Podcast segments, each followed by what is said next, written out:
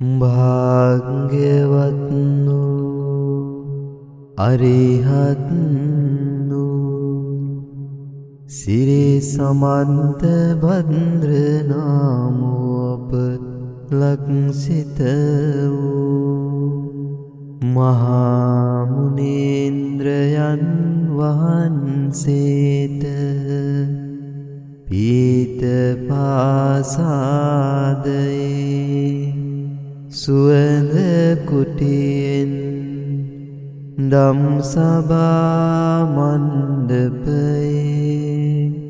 මිනි පළඟට බැස වඩින්නට ආරාධනා කරමි. අදත් සූදානම් වන්නේ හැම කෙනෙක්ම සසර දුක නිවලා නිර්වාණ ධර්මය ප්‍රත්‍යක්ෂ කරවන ලෝකෙට ඉතාම කලාතුරකින් පහළවන බුද්ධ වචනය ඒ ආර්යන් වහන්සේලා දේශනා කරන පරිශුද්ධ වූ පනිවිඩය ශ්‍රවණය කරන්නයි. අපි කොච්චර බණැහුවත් මේ සංසාරයේ අවසන් කරන බනේ අපට කොතනක දෙහරි නොයසුනොත් අහන්න පිනක් නොතිබුණොත් ඒ සසර දිගින් දිගට පවතින් අවශ්‍ය කරන පසුබිම පදනම හා පරිසරය අප තුළින් සකස් වෙනවා. සත්වයා සංසාරයට බැඳිලා ඉන්නේ සාපේක්ෂක නිසයි. සාපේක්ෂකය නොතේරුම්ගත් තැනත්තා දුකට පත්වී සිටිනවා. සාපේක්ෂකය තේරීමම තමයි ඒ ආර්ය මාර්ගය වටහා ගැනීම. යමෙක් සාපේක්ෂක සියල්ල පරිශුද්ධ වසයෙන් වටහා ගත්තොත් ඒ සාපේක්ෂක සියල්ල පරිශුද්ධ වසයෙන් වටහාගත් උතු මිනිසා මුනිවරේ කියා හඳුන්වනවා. ප්‍රශ්නය මේ සාපේක්ෂ ලෝක ඉපදිලා උප ඉපදිච්ච දාපටම් මේවා දැකලා ඒවත් එක්ක බැඳීම් හදාගෙන ඒවත් එක්ක එකතු වෙලා හිටපු මිනිස්සුන්ට සාපේක්ෂකවල නිරර්ථක භාවය අපි පෙන්නුවාම එගොල්ල එක පිළිගණ්ඩ කැමති නෑ. පිළිගන්න කැමති නෑ. අපි ආල තියෙනවා බක කියලා බ්‍රහ්මය ගැන. බක කියන්නේ මහා රූපය පිළිබඳව තමා පිළිබඳව තමුන්ගේ හැකියාවල් පිළිබඳව මහා ලොකුකම් කියමින් අපි කැන පුරාජේරු කියමින් ජීවත් වෙච්ච බමුණෙක් බ්‍රහ්මයෙක්. දවසක් බුදුහාමුදුරුව මේ බකළඟට ගියාම ඔහු හිතං හිටියා ඔහු තමයි ඉන්න විශාලම මනුෂ්‍ය විශාලම බ්‍රහ්මය කියලා. එම හිතලා ඔහු ඔහුගේ ශරීරයේ ලොකු මහත උස හැකියාවල් මේවා උන්වහන්සේ ඉදිරියේ පේනු සැලස්වා. උන්වහන්සේ කුමක් කළේද ඊටත් වඩා එකක් හදලා ඒ මෝඩ බමුණයි බ්‍රහ්මය ඉස්සරහ පෙන්නවා. සාපේක්ෂක ප්‍රත්‍යක්ෂ කළ උතුමෙකුට සාපේක්ෂක අතේතියාගත්තත් එකයි කෑවත් එකයි. සාපේක්ෂකයන්ගෙන් ඔළුව උදුම්මවාගත්ත මනුෂ්‍යයකුට සිත සාපේක්ෂකයෙන් ඉවත් කළත් එකයි ඊට වඩා සාපේක්ෂක ඇතිකරවලා යා උම්මාත උම්මාත්තක භාවයට පිස්සු හදවලා. ඒ සාපේක්ෂකවල නිරර්ථක භාවය එයාට පෙන්නුවත් එකයි දෙකෙම වෙන්නේ එකම කාරය. ඊට පස්සේ බක බ්‍රහ්මය තේරුම් ගත්තා තමුන්ට වඩා හයිකාරයෝ. තමුන්ට වඩා හැකියාව තියෙන මිනිස්සු. තමුන්ට වඩා උසමහත මිනිස්සු මේ ලෝකෙ ජීවත් වෙන බව. ඒතාක් ඔහු ඔහු කෙනෙහි හදාගත්ත මාන්නය උද්දච්චකම ලොකුකම ඔහුට නැති වෙලගයා. ඔහු සත්‍ය අවබෝධ කළා. දහම අවබෝධ කළා. ඔගොල්ලන්ට වෙලා තියෙන ප්‍රශ්නයත් කෙනෙක් ඇවිල්ලා ඒ සාපේක්ෂක ලෝකයේ පිළිබඳව ගැඹුරු විග්‍රහය කලාම එක පැහැදිලි කලාම පිළිගන්නේ. කොච්චර කිව්වත් පිළිගන්නේ. ඇතරම මට පේන එක පිළිගන්නව නෙමෙයි. ඒක පිළිගන්න හොට පින් පිරිල නෑ. එච්චන ප්‍රශ්නය. බුදුවරු සීයක් ඔහු අටකරගෙන සිටියත් දසදිසාවෙන් බුදුවරු ආරක්ෂා කළත්. අපි හලතියනනේ දසදිසා පිරිත කියල එකක් කොබලන්න එක හලතියෙන. දිසාසු දසභාගේසු ටිතා බුද්ධානුභාවතෝ වේරාදියන්තරායාපි විනස් සන්තු වසේසතෝ. එක ඇනෙ දස දිසාවට බුදුවරු දහ දෙනෙකුයි දහ දෙනෙක් පිහිටුවනෝ. පිහිටවල්ලා කියනවා මේ බුදුවරු දහ දෙනෙක් දස දිසාවට පිහිටෙව්වා අට දිසාව හැමෝම දන්න උඩ දිසාවයි යට දිසාව එකතුනාම දස දිසාවයි. දස දිසාවට බුදුවරු දහ දෙනෙක් තියෙන දැන් හිතන්න ඕගොල්ලොන්ගේ තම තමන්ගේ දිසා දහයට බුදුරු දහ දෙනෙක් සිටිනවා. එතකොට මොන දිශාව බැලුවත් කවුදින්නේ බුදු කෙනෙක් සිටිනවා. බුදුරු දහ දෙනෙක් දස දිසාව බලන් සිටිනවා. ප්‍රශ්නය තියෙන්නේ බුදුවරු දහ දෙනෙක් දස දිසාව බලාගෙන පිහිටවුවත් පාරමී පුරපු නැති මෝඩයකුට ඒ දස දිසා පිරිති ආරක්ෂාව පරිචුද්ධ වසයෙන් ලැබිලා ඔහු නිර්වාණ දහතව ස්පර්ශ කරන්නේ නෑ. ඒ වගේම මිනිස්සු ඉපදිච්ච දාපටන් මේ යනකම්ම මිනිස්සුන්ට බුදුවරු හම්බ වෙනවා. ඒක මිනිස්සුන්ට තේරෙන්නේ අපි අපි පොත්පත්වල ඉගෙනගෙන තියෙන මේ බුදු කෙනෙක් බලන්න අවුරුදු ලක්ෂ ගණන් ඉන්න ඕන කියලා. මම කියන්නේ ඉපදිච්ච දායිනම් මැරෙනකම්ම මිනිස්සුන්ට බුදුවරු හම්බ වෙනවා. මිනිස්සුන්ට බුදු කෙනෙක් බවට පත් කරගන්න තරම් ආත්ම විශ්වාසයක් ආත්ම ශක්තියක් පුණ්‍ය භාග්‍යයක් පාරමිතා ශක්තියක් ඔවුන්ගේ හිත්වල හැදිලා නැහැ. ඒ නිසා ඔවුන්ට ඒක සමහර විට එක දර්ශනයක් විතරයි. අපි දන්න භාරතීය සමාජයේ ගෞතම බුදු හාමුදුරු ජීවත් වුණා. උන්වහන්සේ ජීවත් වනේ සාමාන්‍ය මනුෂ්‍යයෙක් වසයෙන්. ඔය පොත්පත්වල ලියල තියෙන ඔක්කොම කතන්දර ඒව පස්සෙ කාලේ ලියපුවා. නිකන් කල්පනා කරල බැලුවොත් ඔච්චර අසිරිමත් මනුෂ්‍යයෙක් භාරතය ජීවත් වනානං අර බමුණ උන්වහන්සට බනින් ඕනද නැද්ද. කවුරත් බනින්නෑ බයයි. අර විදියට ගල් පෙරලනවද නැද්ද. බයයි. නොයකුත් අඩන්තේට්ටන් කරනවද නැද්ද. බයයි. එහෙම මහා ආශ්චරයක් තිබිච මනුස්සෙක් නම් පාරට බැස්සකම මිනිස්සු ඇල්ල මොකක්ද කරන්න ඕන. හතර වටෙන් බැඳල බදාගණ්ඩ ඕන එහෙම එකක් වුණාද නැද්ද. නෑ. එතරම පරස් පරයි. මංග මෙන් ප්‍රශ්නයක් අහනවා. ලෝකෙට සත්‍යය අරගෙන සත්‍යයේ පණිවිඩය දෑත හිතියාගෙනෙන මිනිසා. ඇත්තටම අසිරිමත් මනුෂ්‍යයෙක් වන්නේ සත්‍යයේ පණිවිඩය දන්න තවත් කෙනෙකුට පමණයි. කවුලනමං කිපද තේරිච්චාය. ලෝකයට සත්‍යය අරගෙනෙන බුදුන් ඇත්තටම ඔහුගේ ප්‍රාතිහාර්ය ශක්තියත්. ඔහු සතු අසීමිත බලය දන්නේ ඒ වගේ පාරමිතා පුරලා සිත සකස් කරගත්ත කෙනෙක් විතරයි. ඒ සත්‍යයේ පණිවිඩේ අතේ තියාගෙන ඉන්න බුදුන් සාමාන්‍ය කෙනෙකුට තවත් එක මිනිසෙක්. මං අහන්නේ මේක ඇයි එහෙම හැදිලා තියෙන්නේ කියලා. දැන් ඕකෝක අනිත් පැත්තුනා නම් හරිනේ. මහා ආශ්‍රිමත් හැකියාවන්ගෙන් පරිපූර්ණ කළා මේ මනුස්ස ලෝකෙට එව්වා නම් එතකොට ලෝකේන ලක්ෂ ගණන් මිනිස්සු මොකද කරන්නේ එකවර? එකවර නිවන් දකින්නවනේ. ඇයි එහෙම වෙන්නේ නැත්තේ? නිවනට අවශ්‍ය සුදුසුකම් පුරපු අය විතරයි. නුසුදුස්සු ගිහිල්ලා එතන අපවිත්‍ර නොකරාවේ. සුදුසුකං ඇත්තවුන්ට පමණක් දොර ඇරුණාවේ. නුසුදුස්සන්ට දොරවල් වැැහුණාවේ. කොබලන්නේ වචනටික තේරිච්චාය. සුදුසුකාන් ඇත්තෝ එක්කරගෙන යන්න නම් ඇත්තටම සර්වාභරණයෙන් පැමිණිය යුතුද නිර්වතින් පැමිණිය යුතුද. කියන්න. සුදුසුකං සපුරා ඇතිවුන් රැගෙන යාමට නිර්වතින් පැමිණිය යුතුය. නොසුදුස්සන් රැගෙන යාමට සර්වාභරණයෙන් සැරසී පැමිණිය යුතුය. මතකතියාගන්න. ලෝකෙට බුදුවරු වඩින්නේ නිර්වතින්. කිසි දවසක සර්වාභරණයෙන් විභූෂිත වන්නේ නැහැ. හැබැයි පාරමී පුරලා සසර ගමන අවසන් කරන්න පශ්චිම භවය ලබපු ඒ පශ්චිම භවික බෝසත්වරු ඒ බුදුවරු දකින්නේ නිරුවතෙන්ද සර්වාභරණයෙන්ද කියන්න මට සර්වාභරණයෙන් විභූෂිතව වැඩි සිටිනෝ දකිනවා. ඇත්තරම බුදුවරු පැමිණෙනේ නිරුවතේ.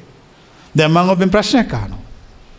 මිනිසෙක් නිරුවතින් පැමිණ මේ මහපොළවට මේ මහපොළොවතිගේ ඇවිදගෙන ගියෝතින් ඒ මිනිසාට අනික් මිනිස්සුන් කුමක් කරන්නේද ගානෝ හිංසා කොන්න පිස්සෙක් කියල කියනවා. එගොල්ලන්ට ඒ සර්වාභරණයෙන් විභූෂිත වෙලා ඉන්න බුදුන් පේන්නේ නෑ.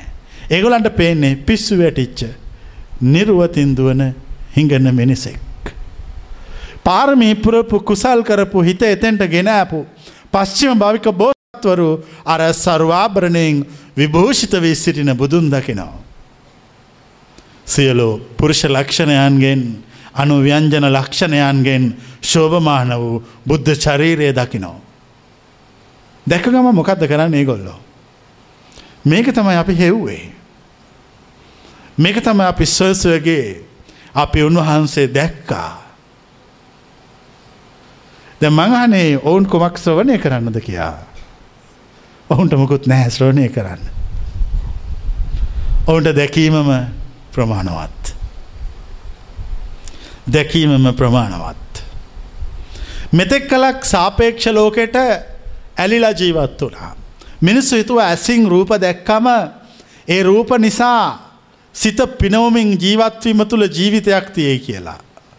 කනින් නාසයෙන් දිවෙන් ශරීරයෙන් අරමුණු අරගෙන ඒ අරමුණුවල තෘප්තියට පත් කලාම එතන ජීවිතයක් පවතීවී කියලා අපි විශ්වාස කලා කලින්. කොබලනය විශ්වාස කරපාය. ඇසකන නාසය දිව ශරීරය කියන පංචේන්ද්‍රය අපි පිනෙව්වා. පිනෙම නිකන් නෙමේ ජීවිතයක් හොයමින්. අපි කලක් පිනවගෙන යනකොට අපට තේරුණහි විඩාවක් ඇති බව. එතොට අපට තේරුණා ඒක ලෝකෙ පවතින ඉතාම සාර්ථක ක්‍රමය නොවන බව. ඉරි පස්තම යමක් ස්වමින් සිටි අන්න එදා ඉඳල සොයන්න පටන් ගත්තේ. ඇත්තනම ඔබට බුදු කෙනගේ අවශ්‍යතාවය නිර්මාණය වන්නේ ආශ්වාදය අවසානයේ ඇතිවන ආදීනවය නිසාමයි. ආශ්වාදය අවසානය ඇතිවන ආදීනවය නිසාමයි. ආදීනවය දැක්කොත් ඒ දැකපු දවසිදං අපට හිතෙනවා යන්ඩ මෙසිියල්ලෙහි අවසානය සොයාගෙන. හැබැයි අපට අවසානය උගන්නවන කෙනෙක් පේන්නේ. ඉතාම කලාතුරකින් අවුරුදු මිලියන බිලියන ට්‍රිලියන ගානකින් කෙනෙකුට කෙනෙක් පෙනී සිටිනවා. පෙනිසිටලා යමක් කියනවා.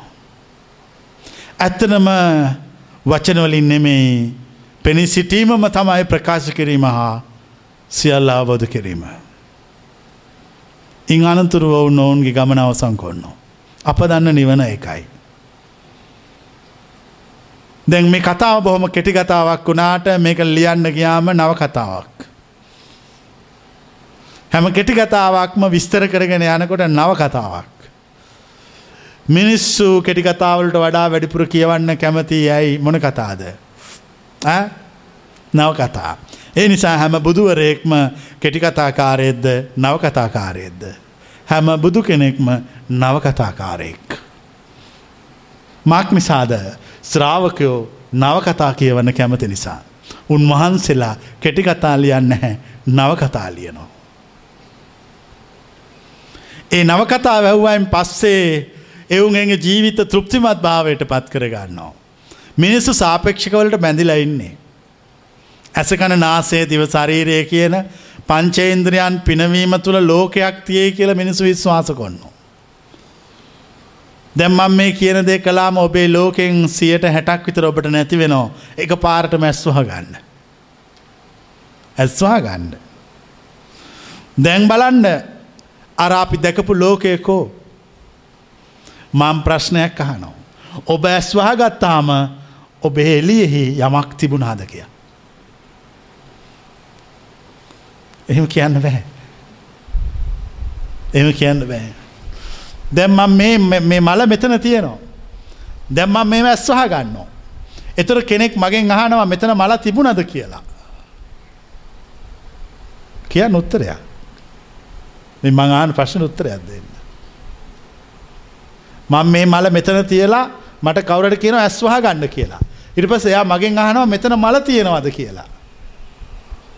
අවසර ජනසයකට උත්තර දෙන්න බෑ උත්තර දෙන්න බෑ. හුඟක් ප්‍රඥාවන්ත මනුෂ්‍යයකොට එකට උත්තර දෙන්න බෑ.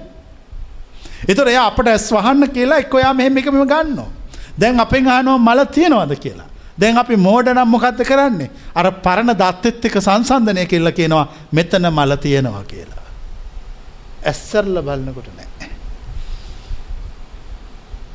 දැන් මෙතන මහ මොකත් දෙකක් තියෙනවා. කොබලන එක තේරෙනයි. මොකත් දෙකක් තියෙනවා. මට තියෙන ප්‍රශ්නය මේ ලෝකය අපට පවතින්නේ ඇසින් බලනකං විතරයි. කොබලන එක තේරෙනයි.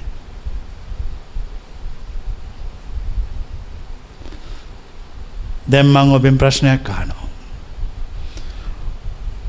දැන් කන් දෙක ගැන කියන්න තියෙනෙ මොකක්ද. දැන් හැමෝම කංවල ඇඟලි ගහගන්න. හොඳට මැඟලි ගහගන්න. ගන්න බැරිවෙන්න එලියටම.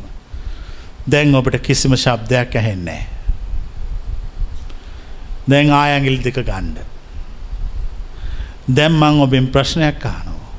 ශ්‍රෝණය පිළිබඳ ලෝකය අර කංගොල ඇඟිලි ගහගත්ත වෙලාවෙ තිබුණද නැද්ද. උත්තර දෙන්න බෑ. කවුද දන්නේ අපි එවෙලෙ කතා කොලාද නැද්ද කියලා. එතකොට දැන් කෙනෙක් කංගොල ඇඟිලි ගහගෙන කට හොල්ලන දිහා බලන් ඉඳල කියනවා එයා කතා කලා කියලා මං ආන ඒ උත්තර නිවැරදි කියලා.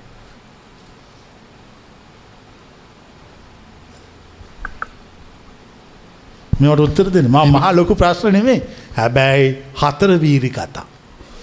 මේවා මහා අමුතු කතා. අසර සනස එහෙම කියන්න බෑ හෙම කියන දැන් එයාගම ඇගිලිකාගෙන ඉන්නකොට මම් බොරුවට කට මෙම කළ තොර එයා ඇගිලි අරගෙන කියෙනවා හොඳ හොඳ කතාවක් කලා හොඳ කතාවක් කලා කිය. නමුත් මං කතාවක් කළේ නෑ මං මෙහෙම මෙහෙම කලා. එතකොට එයා ඒ මුලාවට අහු වුණා. මම කියනවා ඔබට ඇස නිසා ඔබ මුලාවට පත්වෙන බව. කන් දෙක නිසා මුලාවට පත්වෙන බව. නාසය නිසා මුලාවට පත්වෙන බව. දිව නිසා මුලාවට පත්වෙන බව. ශරීරය නිසා මුලාවට පත්වෙන බව. කොය පහතේරණ ඇතුස. හොඳටම තේරෙන ඇත උසන්න.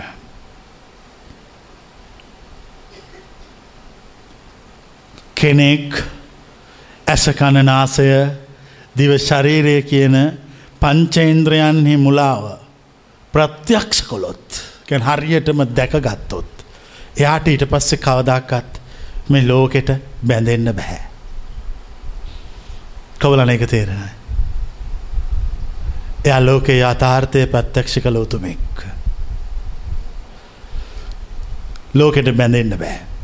එයට ලෝකෙත් එක බැඳෙන්නවත් ලෝකෙත් එක හැප්පෙන්න්නවත් එයට අවශ්‍යතාවයක් නෑ. එය රහත් කෙනෙක්. ඕගොලන්ට වෙලා තියෙන ප්‍රශ්නය ඇස නිසා මුලාවයි කියලා මම කියනකොට තේරෙනවා ඉට පස්ස ටිකත් දුර ගිහිල්ලා ගෙදර ගිහිල්ල වැඩ කරනකොට ඇස ඇත්ත කියනවා කියලා හිත කියලා එක පිළිගන්නවා කොබලන එක වෙනය. අන්න එත්තනින් ආයවරදිනවා. කන මුලාවක් කියලා දැන් දන්නවා ගෙදර ගියාම කෙනව කන අතාර්ථයක් කියලා. එතනින් ආයවර්දිනවා. එතකොට ඔබ ඔබෙන් අහන්න මොකක්ද මේ මට වෙලා තියෙන පටලැවෙල්ල. ඇයි මට උන්වහන්සේ දෙශන ශුද්ධ භූමියට අවසර නොලැබෙන්නේ.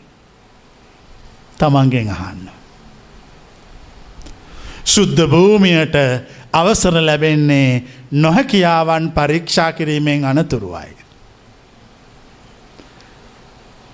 මං කියපු වචනය හරි බරයි. ශුද්ධ භූමියට අවසර ලැබෙන්නේ නොහැකියාවන් පරීක්ෂා කිරීමෙන් අනතුරුවයි. මොකක්දේ කිව්වේ. ශුද්ධ භූමියට අවසර ලැබෙන්නේ නොහැකියාව පරීක්ෂා කිරීමෙන් කිව්වා. ආර්ය විනයෙහි කිසි දවසක හැකියාවන්ට ප්‍රශස්තිකීමක් සහතිකදීමක් නැත. යමෙකුගේ හැකියාවන් සම්භාවනාවට පත්වන්නේද එය අනාර්යයි. කොබල අපි කියනව තේරෙනයි. හැකියාව සම්භාවනාවට පත්වන තැන අනාර්යයි. කවුරට කෙනෙක් මෙතන ඇවිල හොඳට අතු ගානෝ. ලස්සට පිරිසිතු කරනවා. අපි ඇවිල් එයාගේ පිට ගහලා හරි හොඳට අතු ගාලා හරි මෝන්දයි මෙයාගේ වැඩ කියලා එයා සම්භාවනාවට පත් කරනවා. මංආනේ ක්‍රියාදහමය ආර්යද අනාර්යද කියලා. ඒක අනාර්යයි. යමක් අනාර්යනං එතන මොකක්ද පවතින්න. දුක පවතිනවා. එතන දුක පවතිනවා. එතන සසර පවතිනවා. දුක හා සසර පවතිනවා. එතුන අපියාගේ පිටට ගහලා එයාව වර්ණනා කලා කියන්නේ එයාට මොකක්ද ඇති කළේ දුක ඇති කලා. එයාට ඊළඟට ඇති කළේ ඒ දුක තවදුරටත් කරේතියාගෙන යන්න අවශ්‍ය කරන්න සසර ඇති කලා. බුදුවරු කිසි කෙනෙක් වර්ණනා කරන්න නැහැ. ඒ වර්ණනා නොකරන්නේ වර්ණනා කරන්නාට දුකත් සසරත් ඒ මොහොතෙම ලැබෙන නිසා. බුදුවරු පරීක්ෂා කරන්න නැහැ හැකියාවන්. මංකවන් නොහැ සුද්ධ භූමියයට ප්‍රවිෂ්ට වන්නේ නොහැකියාව පරීක්ෂා කිරීමෙන් කියලා. එතුොට කෙනෙක් හිතනවා මෙහෙම මට ඒ දහම තේරුණාට ටික වෙලාවක් යනකොට ආයි ලෞකික වෙනවා. කොබල නේම වෙන අය. දැන් ඔබට ඔබේ ආර්ය මාර්ගය ඔබ වඩපු මග ගැන ඇතිවන්නේ සතුටත්ද දුකක්ද කොබලන එක නිසා දුකක් ඇති වෙන අය අන්න එක තම වැරදි. එක තම වැරදිීත තොරක ආයාර් අනාර්යයි. සුද්ධ භූමියයට ප්‍රවිෂ්ට වෙන මාර්ගය ශ්‍රවණය කරයිම් පස්සේ ටික වෙලාවකදී ඒ මාර්ගය නෙමෙයි ඒක ප්‍රතිවිරුද්ධ පැත්තත් එක ජීවත් වෙන්න උනාම ඒ තමයි ඔබේ නොහැකියාව පරීක්ෂා කිරීම. කොබලන තේරිච්චාය. නොහැකියාව පරීක්ෂා කරනු. අපට අපේ හිත වතාවෙන් වතාව කියනවා ශුද්ධ භූමියට ප්‍රවිෂ්ටවීමට නම් නුඹ පිරිසිතු කරගත යුතු ටික මේකයි. ශුද්ධ භූමියට ප්‍රවිෂ්ටවීමට නම් නුඹ පිරිසුතු කරගත යුතු නුඹේ ලෞකික බැඳීම් හා හැඟීම් සමුදායමයයි. මේ ලෞකික බන්ධන ජාලය නුඹ ඉවත් කොළොත් නුබ ශුද්ධ භූමියට ප්‍රවිෂ්ට වෙනවා. මඟන්නේ මම හැමවිටම ඔබේ පරීක්ෂා කරන්නේ හැකියාව නෙවෙයි නොහැකියාව පරීක්ෂා කරනවා. තමන්ගේ නොහැකියාව තමුන් ළඟ ඇතයි කියා තේරෙන අය අතුස්සන්න. තමුන්ගේ නොහැකියාව තමුන් ළඟ පවතිනවා. එච්චරයි. දැන් කුමක්ද පරීක්ෂා කරගන්න කිව්වේ. නොහැකියාව පරීක්ෂා කරගන්න කිව්වා. දැන් නොහැකියාව තියෙන එක හොඳද නරකද. ඉති පරීක්ෂා කරන්න කෝමේ නැත්තම් නොහැකියාව තියෙන එක හොඳයි. ආර්ය විනය කෙනෙක් ශ්‍රවණය කරන බුද්ධ වචනය ශ්‍රවණය කරන මේ ශ්‍රවණය කරන වචනවට අපි කියන මොන වචන කියලද බුද්ධ වචනය. ඒක ඇහෙන්නේ අවුරුදු ලක්ෂ ගානකට සැරයක්. ඒක තුන් හතර දහස් සියවතාවක් අහන්න එක පාරයි අහන්න එතනින් ඉවරයි. නොහැකියාව පරීක්ෂා කොන්නවා. දැන් මං ඔබෙන් ප්‍රශ්නයක් අහනවා. ඇත්තටම ශුද්ධ භූමියයට ප්‍රවිෂ්ට වන්නේ නොහැකියාවෙන් පිරුණු මිනිසාද. නොහැකියාවෙන් පිරුණු බව තේරුම් ගත් මිනිසාද. නොහැකියාවෙන් පිරුණු බව තේරුම් ගත් මිනිසා. ඇත්තරම ශුද්ධ භූමියට ප්‍රවිෂ්ට වන්නේ කෙලෙස් ඇති මිනිසාද කෙලෙස් ඇති බව දැක අවබෝධ කරගත් මිනිසාද. කෙලෙස් ඇති බව දැක අවබෝධ කරගත් මිනිසා. යම් මනුෂ්‍යයෙක් කියනවා ඔහුළඟ කෙලෙස් නෑ කියලා. ඔහුට සුද්ධ භූමියයට යන්ඩ අවසර ඇද්ද නැද්ද ඔහුට අවසර නැහැ. ඔහු එනකොටම සුද්ධ භූමියයට ඇතුල්වෙන ස්වර්ණ දවාරයේ සිටින මුරසෙබලුන් දෙදෙනෙක් ඔහුට මුරායුධ දෙකක් ඔහුගේ ඉදිරියට කතිරයක් වගේ තියෙනවා එක ඇනමකක් කියනද යන්ඩ බෑ. එත රොහු කියනවා මට කිසිම ක්ලේශයක් නෑ මට සුද්ධ භූමියට යන්න අවසර දෙන්න කියලා. එතුර කියනවා ශුද්ධ භූමියට යන්න අවසර දෙන්න හැ කෙලෙස් නැති කාටවත්. ශුද්ධ භූමියට යන්න අවසර දෙන්න කෙලෙස් තියේ කියලා දැක අවබෝධ කරගත් අයට පමණයි. මං ඔබෙන් ප්‍රශ්නයක් අහනෝ. ඇයි ඒ මුරසෙබලු දෙදෙනා ඔහුගේ ගමන නැවැත්තුවේ. ඇයි ඔහුට කිව්වේ කෙලෙස් නැති කෙනෙකුට ශුද්ධ භූමියට යන්න දෙන්න බෑ කියලා. හරි ගැඹුරුයි ඒක. පුළුවන්නම් කියන්න. කෙලෙස් නැති කෙනෙකුට ශුද්ධ භූමියට යන්න දෙන්න බෑකිව්වා. හැමෝම තමුන්ගේ හිතත් එක්ක තමයි ජීවත් වෙන්නේ. තමුන් නිදන විට මේ පැවිසි හතරෙම තමුන්ට මොනදේ නැති වුණත් එක දෙයක් තමුන්ට තියෙනවා එමකක්ද සිත. සිතෙහි ස්වභාවය අවස්ථාවෙන් අවස්ථාවට විවිධාකාරයි. කොබලන එක අත්දකපු අය. සමාර වෙලාවට හිත නිදී හරි. එතවට අපට හිතනවා ගිහිලා නිදාගන්න. මං ඔබ ප්‍රශ්නකනවා ඉස්සෙල්ලම නිදන්නේ ඇඟද සිතද. සිත මනෝ පුබ්බංගමා දම්මා. මිස්්‍යල්ල මූලික වන්නේ සිත මුල් කරගත දහමක්. ඇඟවත් වචනවත් නෙමේ මුල සිත මුල් කරගත්තේ ගැන්වීමක්. සමාර වෙලාවට සිත හරිම උද්‍යෝගිමත්. එතුර අපට ගොඩක් වැඩ කරන්න හිතනෝ. ගොඩත් ඇංගල යන්න හිතනෝ ගොඩත් අයක හිනාවෙන්න හිතනෝ කතා කරන්න හිතෙනවා. සමහරලාට හිත හරි අලසයි නිදි බරයි. එතවට පැත්ත කරලා ඉන්න හිතෙනවා. කවලන් මේවා අදකින් වසෙන් දන්න හැමෝටම තියන මේ නැතික කවරුවන්න නැත්තගෙන ඔක්කොම් බොරල්ල කනත්තේ මේ කියනව දන්න ඇති අය. සවාර වෙලාවට සිතෙහි කිසිම කිලුටු බවක් නැති අවස්ථාවක් අත්ද කළ තියෙනවා. කිසි ප්‍රශ්නයක් නෑ. එතකොට ඒගොල්ලු සිතනවා දැන් එක ලෙස් කියලා. දැන්ඒ කොල ශුද්ධ භූමියයට යනවා. ශුද්ධ භූමයට යනකොට මුරකාවල් නවත්තල කියනවා ඇතුල්ලෙන්ට බැහැ. එතු රේගුල කියනවා ඇතුල්ලෙන් අවසර දෙන්න අපි නිකෙලෙස්. එතුර කියනවා නිකෙලෙස් අයට නෙමේ යන්න දෙන්නේ කෙලෙස් ඇති බව තේරුම් ගත්ත අයට කියලා. මංහන්න ඒ සිත කෘතිීමද ස්වාභාවිකද කියලා කෘතිමයි. ඉට පස ටික වෙලාවක් ගයාමයි සාපේක්ෂක එක බැඳීම් හදාගෙන ආය ලෝභකම තන්හාාව ආශාව බලාපොරොත්තු අනාගතය අතීතය මේ ගොඩක් ආයහිත හදාගන්න. දැන් ඔබේ මම ප්‍රශ්නයක් අහනෝ. අර දැන් කලින් දැන් මේ සිත පිරිසිදු වෙච්ච අවස්ථාවක් ජීවිතය එක දවසකාරය අත්තිඳපුය අතුස්සන්න. ඔව අපි අත්වින්දා. ඊට පස්සේ මට ප්‍රශ්නයක් තියෙනවා. ඒ සිත පිරිසිදු වෙලා වගේ හිත් තිබුණට ටික වෙලාවකින් අය අපිරිසිදු වුණා. ඒ කියන්නේ මල්ලඟ තිබිල තියෙන බොරු පිරිසිදුකමක්. මං ආයායිත් ඒ පිරිසිදුකම හොයනවනං මං හොයන්නේ බොරු විමුක්තියක්. බොරු විමුක්තියක්. එතකොට මේ මං පිරිසිදුනා කියලා කියමුකු ආයි ටික දවසකින් ආයිටි කලාකින්ම ගද වෙන්නේ. අපිරිසිදු වෙනවා. දැන් අර ශුද්ධ භූමියයට යන්න ගිහිල්ල අවසර නොලැබිච්ච මනුෂ්‍යයා ළඟපාත වාඩි වෙලා කල්පනා කරන ඇයි මට මුරක් බට්ටව අවසර නොදුන්නේ. එයාට ඔන්න ඕක තේරෙනවා.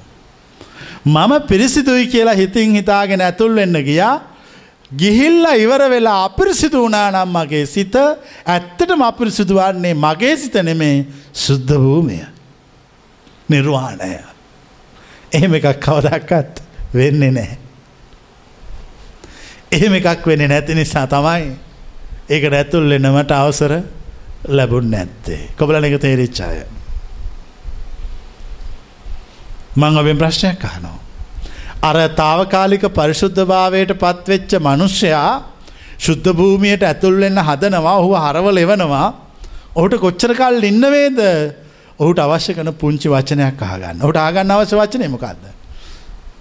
පොඩි වචනය අහගන්න තියෙන්. දැන් තව ටිකකින් උඹගේ සිත අපිරිසිදු වෙනවා. එතකොට උඹ අපිරිසිදු වෙච්ච බව දැනගනින්. එච්චර යට ඕන වචන ඇත්තටම යා ඒ වචනය හන්න තමයි ඒ සංසාරයේ මැරි මැරි උපතින්නේ. ඒ වචන යහන්නේ ආත්ම කෝටි ගානක් උපතිනෝ. මොකක් අහන්නද එක වචනයක් වාක්‍යයක් අහන්න. එය රස්සාවල් කොන්න ඇවිදිනෝ දුදරුවාදනෝ ගෙවල් අදනො සියලු දේ කරන්නෝ හැබැයි ආය එකක්කත් කරන්න ඕනෙක් කෙනෙක් නෙමෙයි වචනයක් අහලා යන්න අප එක්කෙනෙක් යාට වචන කියන්න කෙනෙක් නෑ. මං ඔබෙන් ප්‍රශ්නයක් අහනවා. ඔබ සියලු දෙනාමත් වචනයක් කියන්න කෙනෙක් නැති නිසා මේ සසර ඉතුරු වෙච්චාය. කොබලන එක තේරිච්චාය. ඒ වචනය කියන්න කෙනෙක් නෑ. ඒ ජීවිතය කිසිම තෘප්තියකුත් නෑ. කොච්චර හැඩහුරුකම් වෙනස් කල්ලා බැලුවත් අමුතු වින්දනයක් නෑ.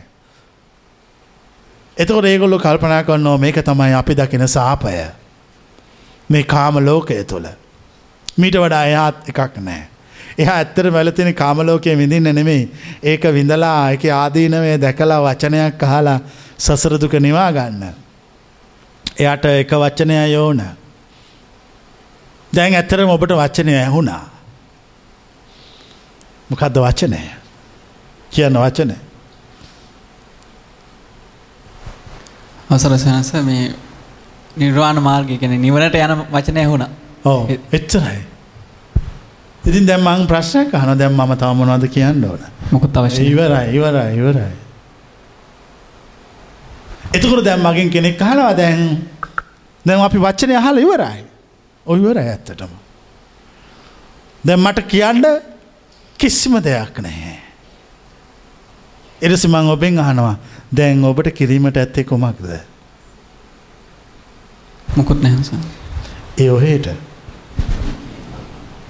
මංහන ඔහුල්ලන්ට යමක් තියෙනවා. තේරිච්ච කෙනෙක් කියන්න. දැන් එයා වච්චනය හා ඉවරයි.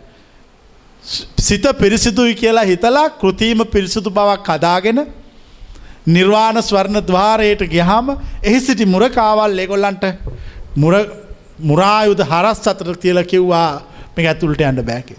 එතු රැව ඇයි මාගේ හිත පිරිසිදුයි මට අවසර දෙන්න කියලා මක බෑ අවසර දෙන්නේ අපිරිසිදු බව තේරුම් ගත් කෙනෙකුට පමණයි.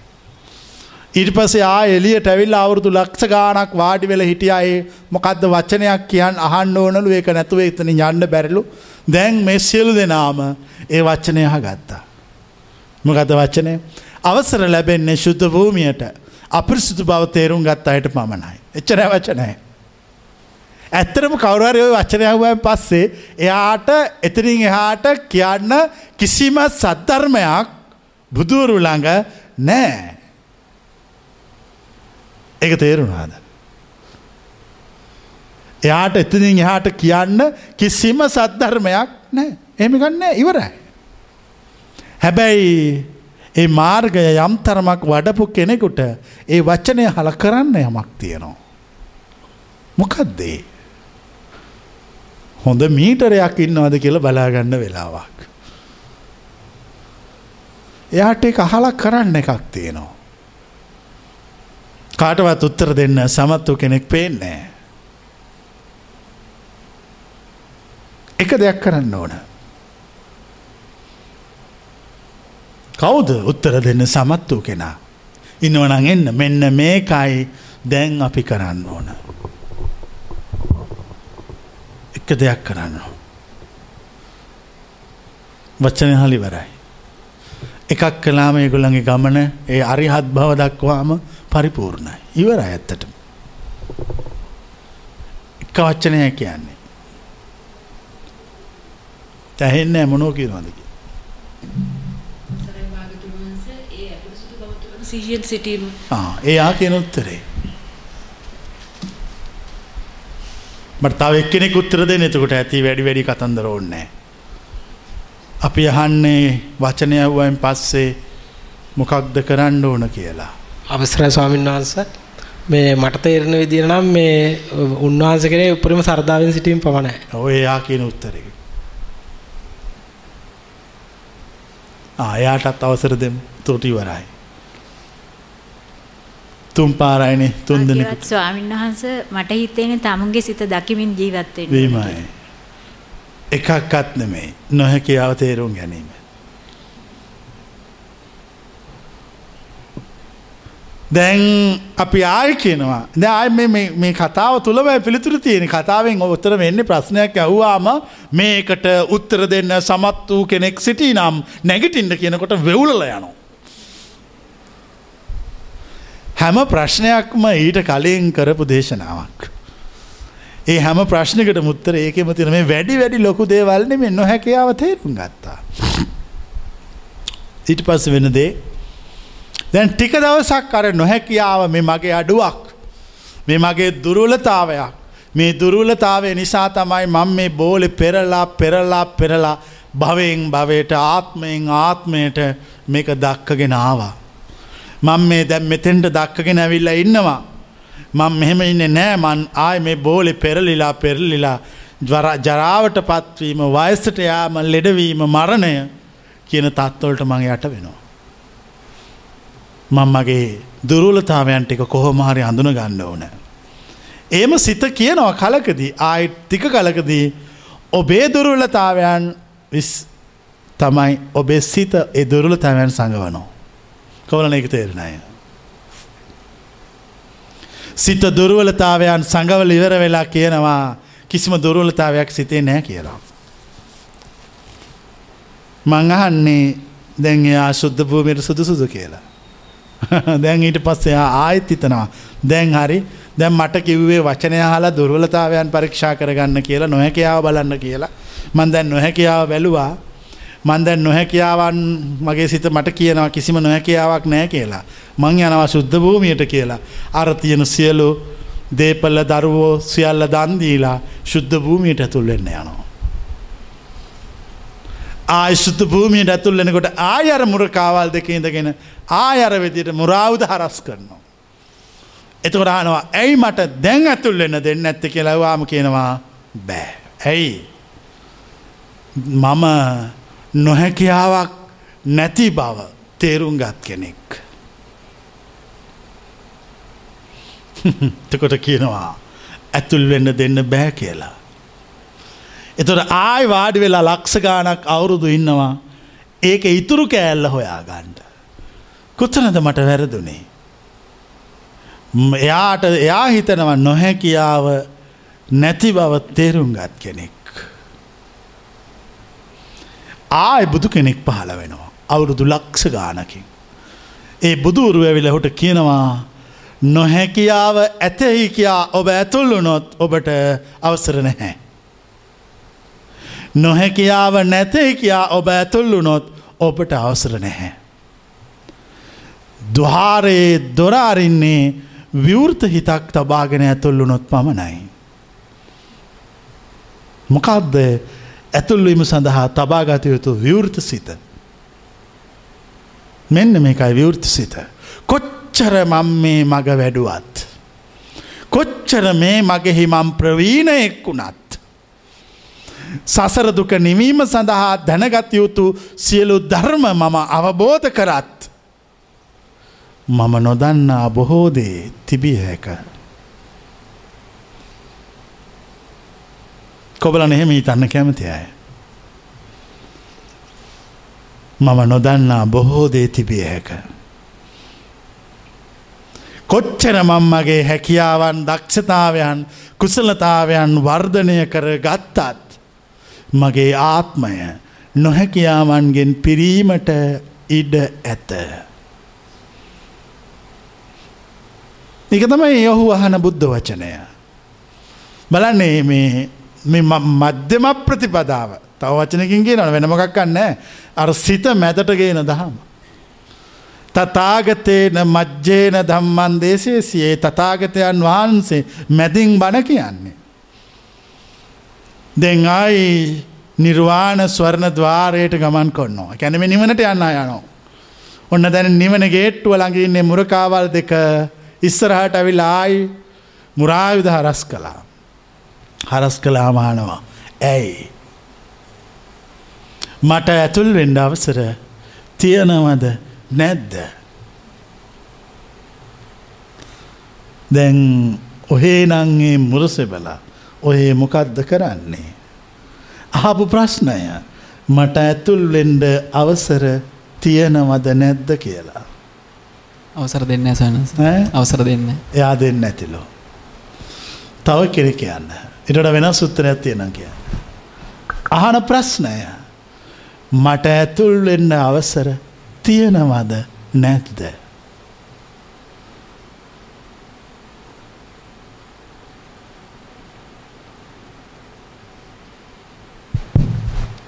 අවසරයි සානාසේ ඒ ඇතුල් වෙන්න එන කෙනාගේ විස්තර කියන්න එපා වත්තරේ විතර. සුදුසුකම් ඉස්සෙල්ලා මම සම්පූර්ණ කරලා ඉන්නවා.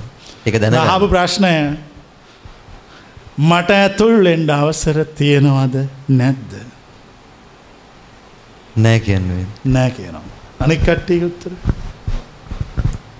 අවසරයි සෝනස තියෙනවා කියලා කියනවා. හේතුව. ඒ තියෙනවා නම් හේතු කියනවා. දැන් නෑ කියන කරනේ හේතුව ආවේ. දැන් අර මැදට පැමිණෙන දහම එක්කෙන දැනගත්තා. එතකොට ඒකන මැදට පවතින දහමේ නායි ඉන්නේ. ඔව්. හරි ඒක තමයි යා කියන එක හරි. දැන් අහන ප්‍රශ්නෙම තියෙනවා මධ්‍යම ප්‍රතිපදාව.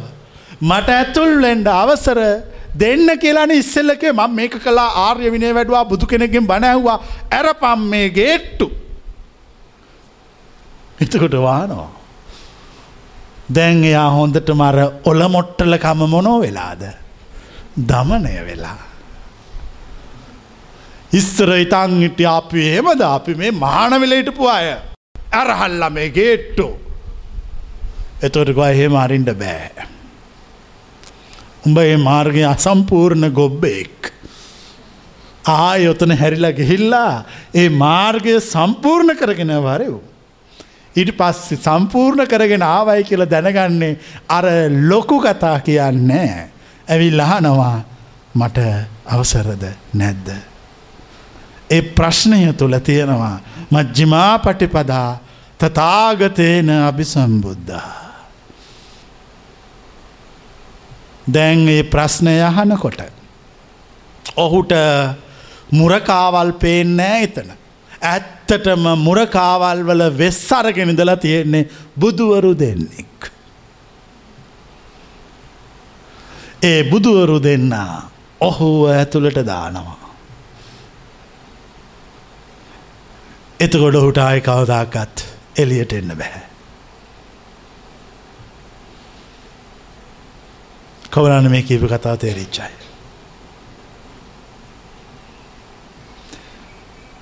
දැන් ඊට පස්සේ අපි කතා කරමු ඒ නිර්වාණය ඇතුළෙ කතාව. දැන් එයා ඇතුළට ඇරියනේ ද ඇතුළට යන්න කලින් එයාගේ යම් යම් ප්‍රශ්න හුවනේ. ඒ ආසන්නේ මහපු ප්‍රශ්නය තමයි සිත පිරිසිදු වෙච්චා යවන්න නෑ කිව්වනේ. අපිරිසිදු බව දන්න ඒක වනේ යවන්නේ. දැන් එතකොට යා ඒ වෙනකොට එනම් සිත පිරිසිදු කරගත්ත කෙනෙක්ද අපිරිසිදු බව දැනගත්ත කෙනෙක්ද. අපිරිසිදු බව දැනගත්ත කෙනෙක්. යන්න අවසර දෙන්න පුළුවන්ද කියලා බැරිද කියලත් ඇහුවනේ ඒකන යාළඟතිච මධ්‍යම ප්‍රතිපදාව ඒක අනයා සුදුසුකම් සියල්ල සම්පූර්ණ කල්ලා. දැන් එයා ඉන්නේ ඇතුළේ. දැන් එයා ඇතුළේ ඉන්නනේ ද මංආනයගේ සිතේ කෙලෙස් තියෙනවද නැද්ද කියලා. දැන් එයා රහතෙක් කෙටි වචනෙන් කිව්වොත් ඒ ద్వාරයෙන් ඇතුල්ලු නාම එයා රහත් බවට පත් වෙලා. ඒ කියන්නේ එයා කවදාකත් ආයේ සසර නැවත නැවත උපදින පුනර්භවය සුන් කළා. ඇත්තට මේ කෙනෙක් රහත් වනාම එයාට මේ රහත් වනයි කියලා තේරෙන්නේ නෑ. එයාට තේරෙන්නේ මේ සසර පැවැත්මට ඕන කන්න වේගය නැතිවෙච්ච බව විතරයි. සසර පැවැත්මට ඕන කරන වේගය නැතිවෙච්ච බව විතරයි. දැන් ඕගොල්ලොන්ට කුඩා කාලේ ඉඳන් මේ සමාජයේ ජීවත් වෙලා අත්දැකීම් එක ජීවත්වනකොට තේරෙනවා මේක පවත්වනෝ වේගයකින් කොබලන එක තේරෙනයි. මේ සියලු ක්‍රියාකාරකම් යම් වේගයකින් පවත්වනෝ. රහතෙකුට එවැනි වේගයක් නැහැ. එච්චරයි. එහෙම වේගයක් නෑ. ඒකයි හැම්ම රහතෙක්ම කියන්නේ. රහත් වනා කියල කියන්නේ. ඒගොල්ලන්ට දැනෙන්නේ පුනර්භවය නැති වුණ. කොබලන්න මෙව තේරෙනයි. තේර තේරී ගාථා පාලියේ ඒ රහතුන් කියන්නේ අපිට පුනර්භවය නැති වුණා. පුනර්භවය කියන්න ඒගොලන්ගේ අර සිත විසින් මෙහෙවන වේගය ද අපි කාටහරි තරහ ගස්ස වනෝ. එතොට එයා හැසිරෙන විදිිය බලන්ගෙන එක තම එයා මෙහෙවන වේගය එක එයා තුළ පවතින්නේ. ඒක තම යාගේ නොරහත් බව. ඒ වේග අවසන්. එක තම රහත් බව. පුනර්භවය අවසන්. පුනර්භවය අවසන් වූ උතුමා පහළ වෙලා තියෙනවා ලෝකෝත්තර මගසිත් හා පලසිත්. අවසානයේ පහළ වෙන සිත තමයි අරහත් පලසිත. මොකදද පාල වෙන සිත. අරහත් පලසිත. දැම් මේ අරහත් පලසිතෙන් එහාට මෙතන ධර්ම සාකච්ඡාවක් කොළොත් මං කියන්න වෙන කතාව. අර ඕගොල්ලෝ අභිධර්ම පොත්වල ඉගෙනගත්තු ඒවා ඔක්කොම බොරු.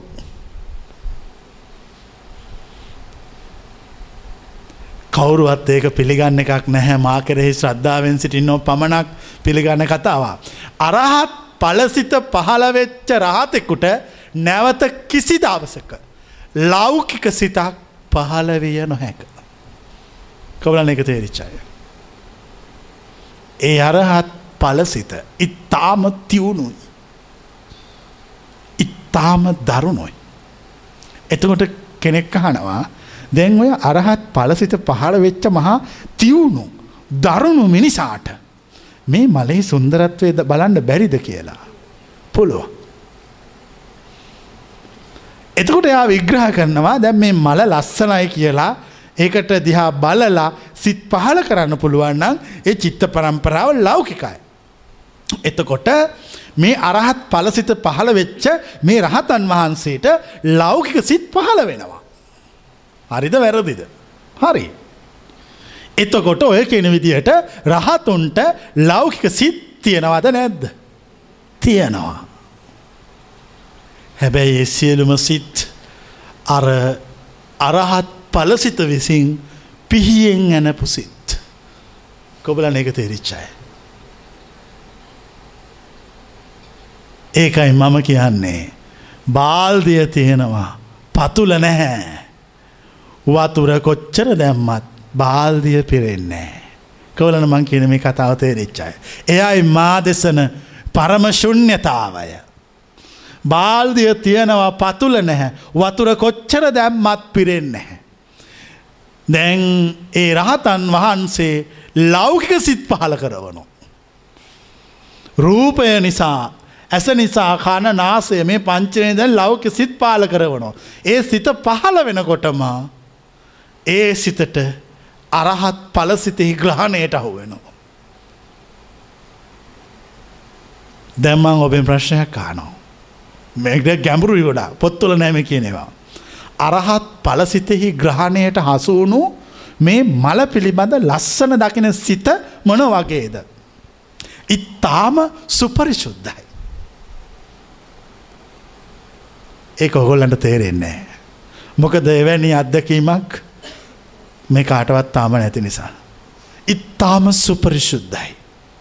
ඉතාම සුප්‍රශුද්ධයි කියලා මම කියන්නේ ප්‍රත්‍යක්ෂඥානයෙන්. ප්‍රත්‍යක්ෂඥානයෙන් කිය ඒ මා අවබෝධ කරකින් කියන්නේ. ඉතාම සුප්‍රශුද්ධයි කියලා.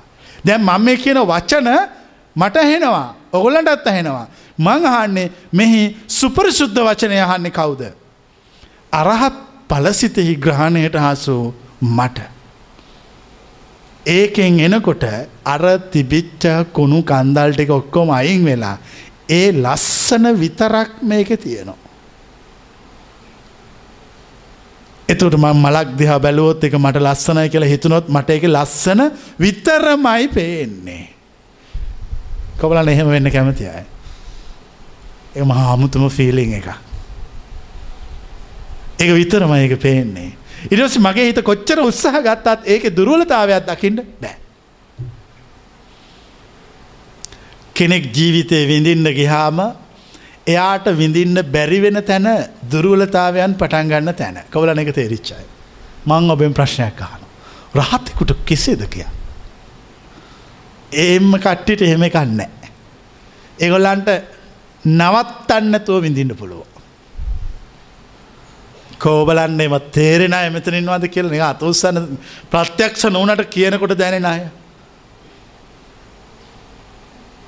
දැම් මං ඔබෙන් ප්‍රශ්නයක් අහනවා. නිර්වාණ දවාරයෙහි මුරකාවන්ගේ නවසරගෙන ඇතුල් වූ රහතා. දීප්තිමත්ද එහෙම නැත්තං බොහෝම ඇස් අඩවං කරගෙන සිටින්නේෙද්ද. දීප්තිමත්. දීප්තිමත් කිය ඇස කන නාසය දිව ශරීරය පංචේන්ද්‍රියන් කිසිම දුකක් නැතුව පිනවනවා. කොබලන් එහෙම ලෝකෙකට යන්න කැමතියි. ඇස කන නාසය දිව ශරීරය කියන පංචේන්ද්‍රියන් කිසිම දුකක් නැතුව පිනවනු. එතුර කෙනෙක් කානම් පුදුම ලෝකයක්. ඒ තමයි අර ගේට්ටුවෙන් එහා ලෝකය. මං ඒකෙක්වේ ම මෙතන වැඩි කතා කරන්න කැමති නෑ එහා එයා පැත්ත තියෙන එක ගැන ඒක කිව්වොත් ඒ ගොල්ලන්ගේ පොත්තුල තියෙනවත් එක පරස්පර වෙනවා. එතවට මට තියෙනවා ප්‍රශ්නයක් මේ පොත් ඔක්කොම ලිව්වෙ කවුද. නොරහතුන්. නොරහතුන්. ඒගොල්ලු රහත් බවක් දන්නේ නෑ. ඒගොල්ලු වෙන වෙන කතන්දර පොත්තුල ලිව්වා. ප්‍රශ්නය වනේ දැන් අපි ඒක ඇත්දැකීමක් වශයෙන් ප්‍රත්‍යක්ෂයෙන් දැක්ක හම තේරෙනවා මේක ඇත්තුලෙ තියෙන්නේ මහා අමුතු එකක්. ඒ කියන්නේ ලෝකයේ ඇසකණනාසය දිව ශරීරය කියන පංචේන්ද්‍රයන් හොඳටම පිනවන්නේ කවුද. කවුද පිනවන්නේ. රහත්වරු බුදුවරු. අර නැද්දොයි අටකතාචාරෙන් වහන්සල ලියල තියෙනවා ඒ බුදුන්ගෙහි අබැටක් පමණ රස වූ දෙයක් ගෙන දිවෙහි තිබූ කල ඒ රස ඕජාවෙන් ශරීරයම පිනා යන්නේය. මං පුංචි ප්‍රශ්නයක් අහන්නම්. මංගොලයින් ආන ප්‍රශ්නය පොඩි කාලෙක් කාපු කෑමද රස දැන් කන කෑමද රස. මට මෙතෙන්ට ඇයිල් උත්තරදේ. පොඩි කාලෙ කාපු කෑමද රස දැන් කන කෑමද රස. රස දැනිච්ච එක මංහන්.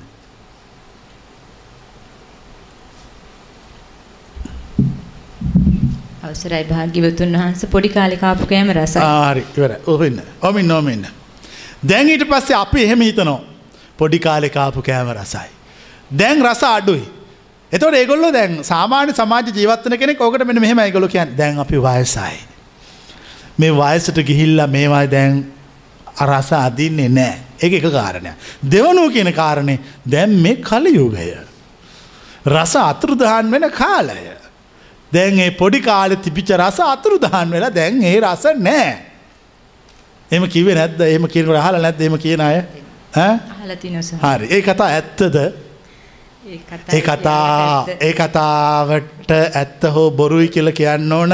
ඒ කතාව සහසුද්දෙන් පත්‍යක්ෂ කළ කෙනෙ මම කියන්න ඒ කතා බොරු බොරු. ඒ පොඩි කාලෙ කාපු කෑමල රස තමයි දැන් තියෙන කෑමලත් තියෙන්නේ. ඕගොල්ලන්ට එක දැනෙන්නේ නැහැ. අරහත් පලසිතෙහි ග්‍රහණයට ලක් නොවුණු සිත් පහළ වෙර නිසා. කොබලල මෙෝ තේරෙන අය ගැඹුරුයි ගොඩා. දැන් අපට හිතනවා මෙහෙම මට ආයි පුංචි කාලෙ කාපු කෑම කණ්ඩෝන ඒ රස ඒ විදියට මෝන. ඒ රස මෝන මන්දැම් පහුගේ දත්වල අපි යාපනය කිය.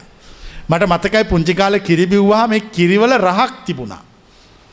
ඊට පස්සේ මම මේ හැම තැන්වලම ගිහාම පිටට ගියාමත් මේ හැමතටම ගියාමත් ඒ කිරි ගෙරල්ල මම බීල බැලුවේ පොඩි කාලේ අවුරුදු දෙකේ තුනේ බොනකොට ආපු රහ කෝ කියලා කිසිම තැනක තිබුණේ ඊට පස්සේ පහුගිය දවසක මම අපි යාපනයේ ගියාම අර නිකන් පාරේ කඩේකින් කෑම කාලා කිරි එකක් බෙව්වා. අන්න ඒකේ රහ තිබුණා.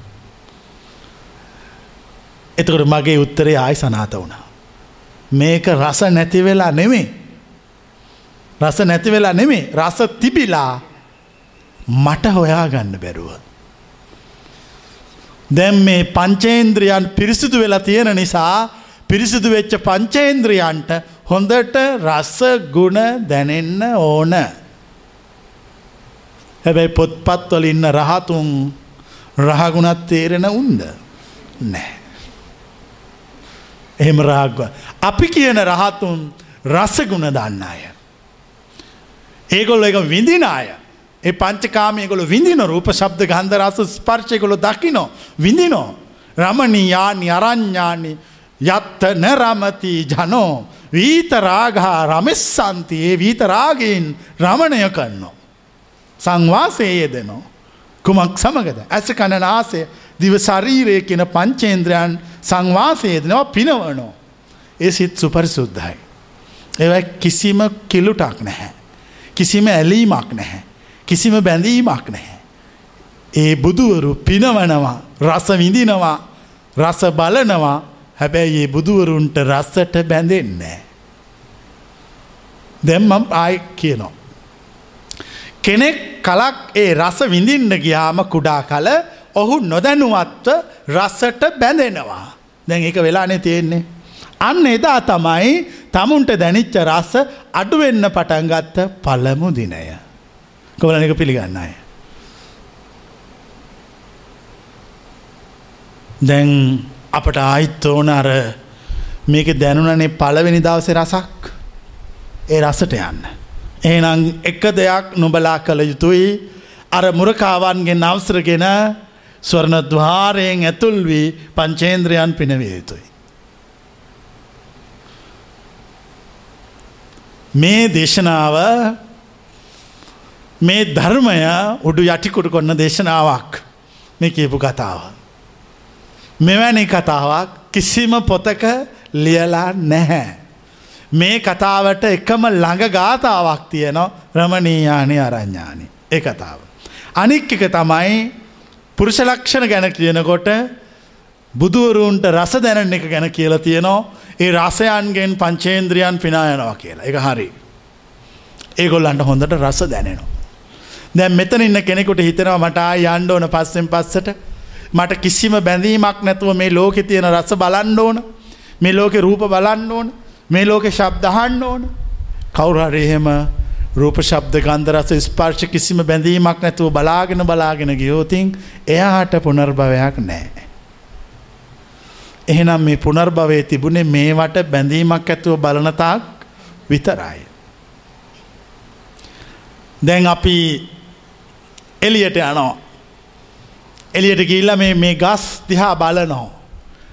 මමාන්න මේ ගස් දැක්කාම මේ මල් දැක්කාම මේ කොළ දැක්කාම මේවායේ සුප්පරි සුද්ධ භාවය තේරෙන්නේ කාටද කියලා. මට. මට. එතුර කියාව ඒම කොම දොබාන්ස කියන කොමද කියන අපට අඩුයි කියලා. අපට අඩුයි කියල කැනෙ මාත් ඉස්සරෝගොල්ල වගේ වෙලා හිටියා. එතකොටත් මම මේව දැක්කා.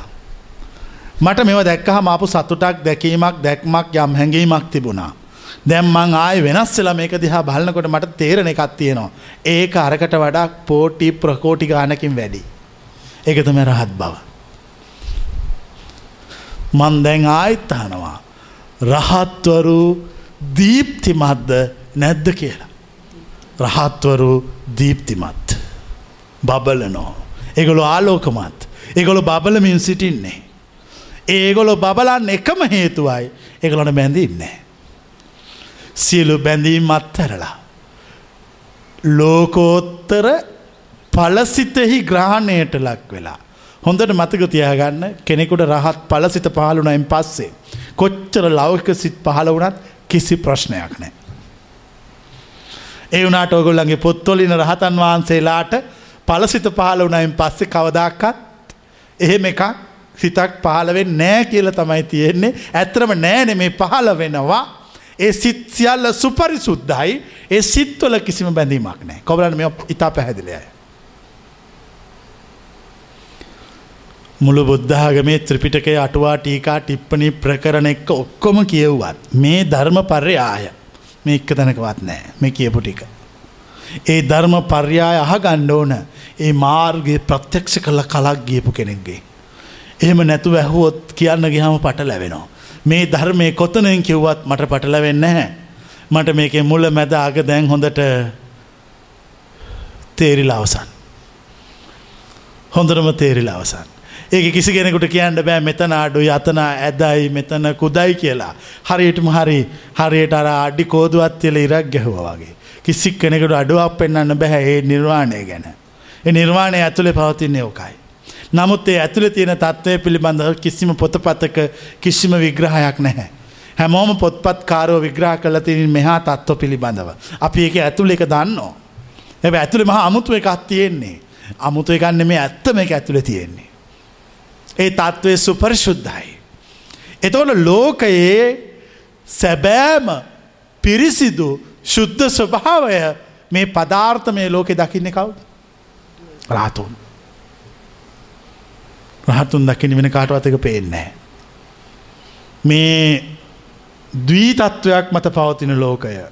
ඇත නැත කළු සුදු උසමිටි මේ මේ ස්වභාවත් එක පවතින ලෝකයේ ඇත්තම එක දකින්නේ රහතුන්. ඕගොල්ලො හැමෝම දකින්නේ කොටසක් විතරයි.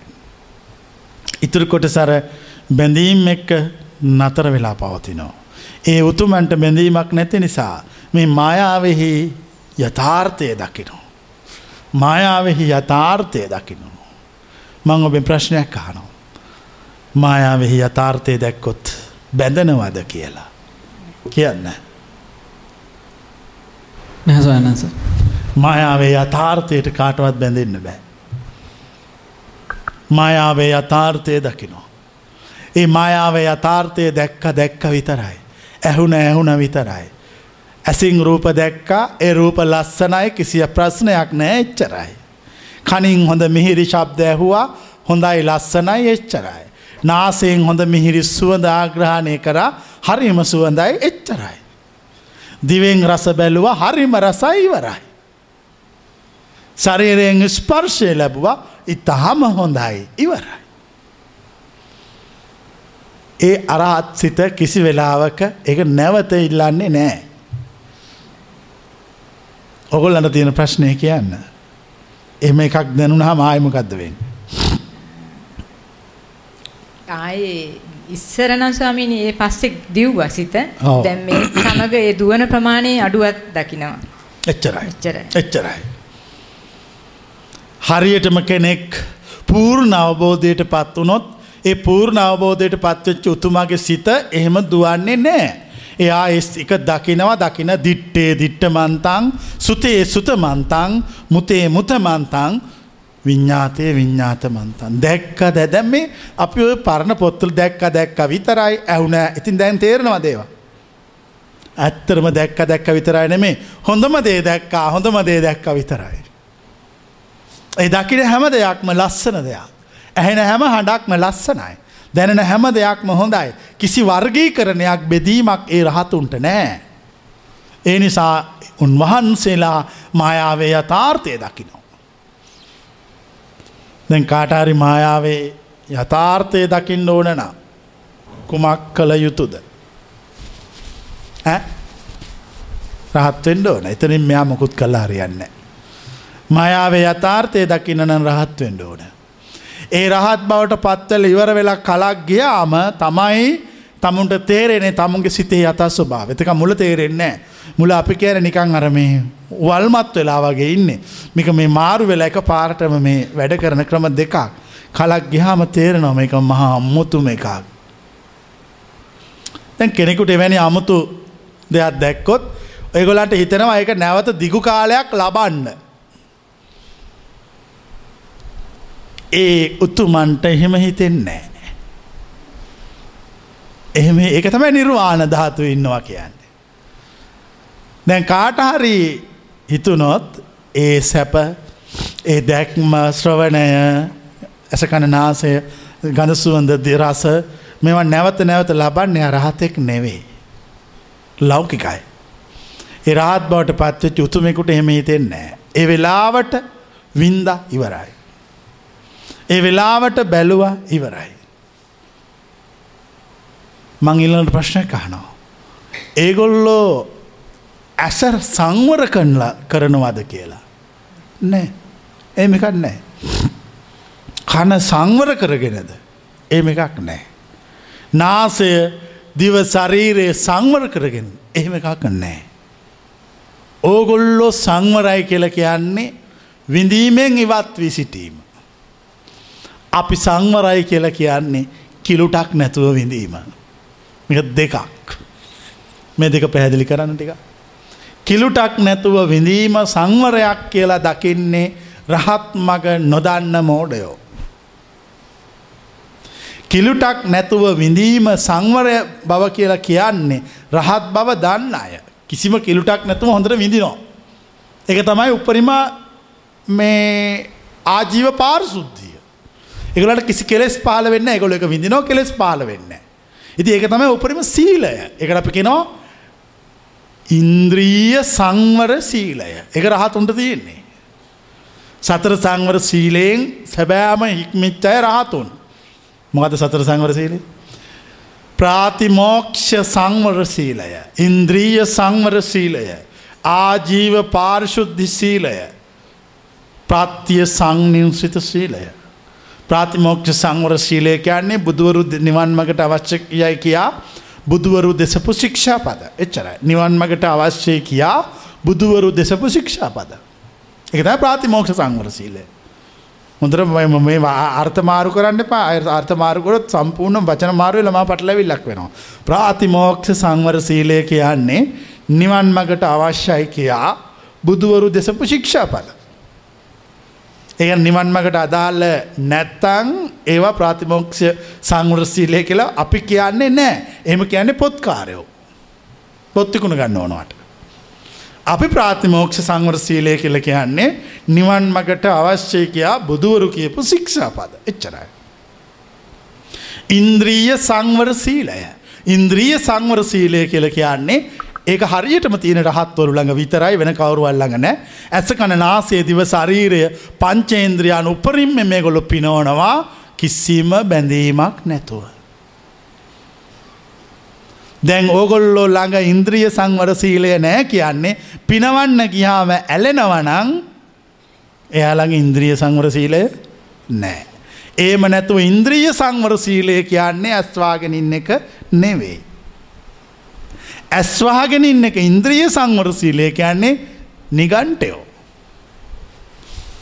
කියවන මධ්‍යමනිකායේ ඉන්ද්‍රිය භාවනා සූත්‍රය. කංවලය ඇගිලිගාගෙන ඉන්න එක ඉන්ද්‍රිය සංවරය කියලා උගන්වන්නේ නිගන්ටයෝ. අපි ඉන්ද්‍රිය සංවරය කියල කියන්නේ මේ කනින් හොඳට ශබ්ද උපරිමෙන් අහනවා කිසිම බැඳීමක් නැත්තන් ඒ ඇහෙන කිසිම ශබ්දයකට ඔහු ඉන්ද්‍රීය සංවරයෙහි උච්චස්ථානයට පත් වූවෙක්. දැම් මෙ සිල් තේරෙනවාද. තම අමුතු සිල් අමුතු සිල්නේ බුදුරු කියන සිල්. ඊළඟට එක තම ප්‍රත්‍ය සංනිම්සිත ශ්‍රීලය ප්‍රත්‍ය සන්නිම්සිත ශ්‍රීලය කියන්නේ ප්‍රත්තියෙහි ප්‍රමාණය දැන ගැනීම. රහත් නූවෙකුට යමක් පරිභෝග කරන විට එහි ඉතුරු කොටසට ලෝභ සිතක් පහළ වෙනවා. රහත් වූවෙකුට පරිභෝග කිරීමක් පමණයි තියෙන්නේ. එතනින් එහාට ලෝභ සිතක් පහළවන්නේ නෑ. ප්‍රත්‍ය සන්නින් සිත ශ්‍රීලය කියන්නේ ප්‍රත්යෙහි පමණ දැනගෙන සිටීම. මං ඔබෙන් ප්‍රශ්නයක් අහනවා. මට සිවුරු කීයක් තියෙනවාද. මේ වෙල එකයි. හැමදාම එකයි. මම රහතෙක්. කොබලන එක තව තේරිච්චාය මම රහතෙක් මට තියෙන්නේ සිවුරු එකයි. ඉරිපසි මං කතා කොන්න වරෙන් මගේ අල්මරිය ළඟට. ඇරපං මේ අල්මරිය දොරවල්. බලපං උට ඉඳල පහලට කොලේක ලියාගෙන ගණන් කොල්ල. එතුර ඒක හනවා තමුසි බොරු කියනවද. මෙච්චර සිවුරු ගොඩා. ඒ වුනාට කියනවත් තියෙන්නේ එකයි කියලා. ඇත්තටම තියෙන්නේ එකයි. සාමාන්‍ය මනුෂ්‍යකුට වෙන්න එයා එකක් ඇඳගෙන අර කල්මරි ඉතුරු ටික තියේ කියලා හිතින් සතුටු වෙවී ජීවත්වෙනවා. ඒ ආර්යන් වහන්සලා එහෙම නෑගොල එකා එච්චරයි. ඒක තමයි ප්‍රත්‍ය සන්නින්සිත ශීලය කොබලන දැම්මෝ තේරෙන අය. සතර සංවර ශීලය පවතිනෝ. හතරවෙනි එක තමයි ආජීව පාරිශුද්ධය. ආජීව පාරිශුද්ධය කියන්නේ එගොලන්ගේ ජීවත්වන විදිය හරි පිරිසිදුයි. පැහැදිලි කිසිම අවුලක් නෑ. ආජීවය පිරිසිදුයි. අධර්මයෙන් එගොල ජීවත් වෙන්නේ. අයුක්ති අසාධාරණ අධර්මිෂ්ටකං කරන්න ඒක තමයි ගොල්ලන්ගේ ආජීව පරිශුද්ධය කියලකයන්. දැම් මේ දේශනාව ඇහ්වාම ඔය සතර සංවල සීලේ නම් බොහෝ අය දන්න ඔය පොත්පත්තිගෙන ගත්ත මිනිස්සු ඒ වනාට එක අර්ථ විග්‍රහ කවරුවත් දන්නේ නෑ. කිසිම භාවනා මධ්‍යස්ථානකට ඕන තැනකට ගිහි ලාන්න ඉන්ද්‍රිය සංවර සීලයෙහි ඉහළම අර්ථ දැක්කිම මොකක්ද කිය. ඒගුලු ගැන ඇස ඇසකන නාසය දිවශරීරය සංවර කරගන්න කියලා. රිස අපි අහනු සංවර කරන්නේ කොහොමද. පුරුප බලන්න එපා වැඩිපුරෝ කරන්න එපා භාවනා කරන්න ඉච්චර අපි කියන්නේ එම නෙමේ. අපි කියන්න මේ පංචේන්ද්‍රයන් පුළුවන් තරම් පිනවල බලන්ඩ කිසිම ගැටීමක් ඇලීමක් ලේෂයක් පහළ වෙන්නේ නැත්තං අන්න එතන ඉන්ද්‍රීය සංවර සීලය පවතිනෝ. දැම් මට ප්‍රශ්නයක් තියෙනවා. නිගන්ට ආගමේ හිටපු මිනිහෙකුට මේ කතාව කිව්වොත් ඒක මට මොක් මොන විදියටද සලකන්නේ. ඒක මට පොල්ලකින් ගහල එලවනවා. නිගන්ටයකුට මේ කතාව කිව්වොත් එහෙමේ නිගන්ටය අපට ගහල එලවනවා. නිගන්ටයෝ කියනවා නෑ. ඇස්වාගෙන හිටිය හම කංවාගෙන හිටිය හම රූප අරමුණු නොගෙන භාවනා කරමින් හිටියාම සංවරය පවතිනෝ කියලා. බුදුවරු කියනවා නෑ. ඇසින් කනින් නාසයෙන් දිවෙන් ශරීරයෙන් රූප බලලා. මේ ලෝකෙ බලමින් සිටිනවා කිසිම ක්ලේෂයක් බැඳීමක් පහළ වෙන්නේ නැත්තං ඔහු ඉන්ද්‍රීය සංවරයෙහි කෙල පැමිණියෙක්. මං ඔබෙන් ප්‍රශ්නයක් අහනවා. මේ ලෝකයේ දැකපු වඩාත්ම සිල්වතා කවුද ඒ මමයි.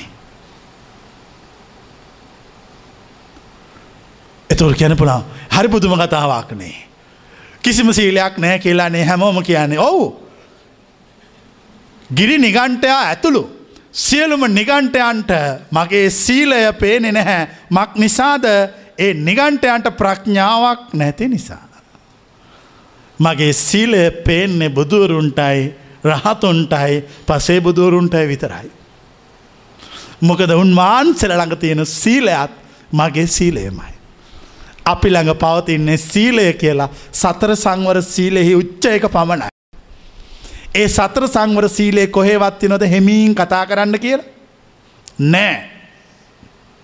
ඒ සතර සංවර සීලේ කොහෙවත් නොද අත පය හොල්ලන්න නැතුව මළමිනියක් වගේ ඇගිලි පිටදාගෙන මෙහෙම ඉන්න කියලා. නෑ. ඒ සතර සංවර සීලෙහි කියලා තියෙනවද දායකයන්ට ඕ නෝන විදියට නිකං අර බැලුම් බෝල වගේ පුම්බන්න පුළුවන් වෙන්න කියලා. නෑ. එවන් නෑ. ඒ සතර සංවර සීලයෙහි කෙල පැමිණියානං යමෙක් ඔහු බුදු කෙනෙක්. පසේ බුදු කෙනෙක්. රහතෙක් මයි. වෙන කෙනෙකුට කෙල ප්‍රාප්ත වෙන්න බෑ. කූට ප්‍රාප්තියට පත්වෙන්න බෑ. ඒ වනාට නිගන්ට සීලයයි බුදුවරුන්ගේ සීලයයි දෙකක්. බුදුවරු සීලය කියලා ප්‍රඥාව මුල් කරගත්තු සීලය පිළිබඳ දර්ශනික විග්‍රාය කලාම. ගිරිනිගන්ටයාගේ ශ්‍රාවකයෝ කෑගාගෙන පොළු අරගෙන ඇවිල කියනවා. එක නෙවෙයි සීලය උඹ කියන එක නෙවේ සීලය කියලා. ඒනට මං ආය කියනවා ඇත්තටම සීලය ඉන්ද්‍රීය සංවර ශ්‍රීලය පමණයි.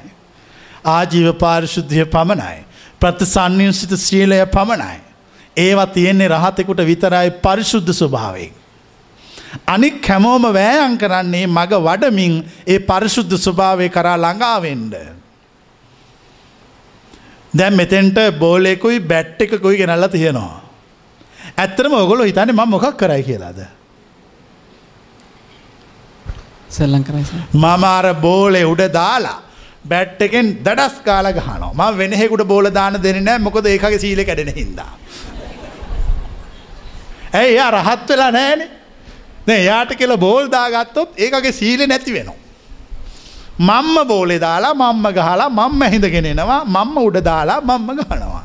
එතවට කෙනෙක් බලන් ඉදල කියනවා කිසිම ඉන්ද්‍රිය සංවරයක් නෑ. ආච්චිව පාරිසුද්ධ බින්දුවයි. ප්‍රත්්‍ය සන්නින් සිතේ ගෑවිලවත් නෑ. ඒ වනාට ඉන්ද්‍රීය සංවරශීලයෙහි උච්චමස්ථානයේ සිටින්නේ මමයි. මොනෝකර කරාද කියන්නේ බෝලගහගා.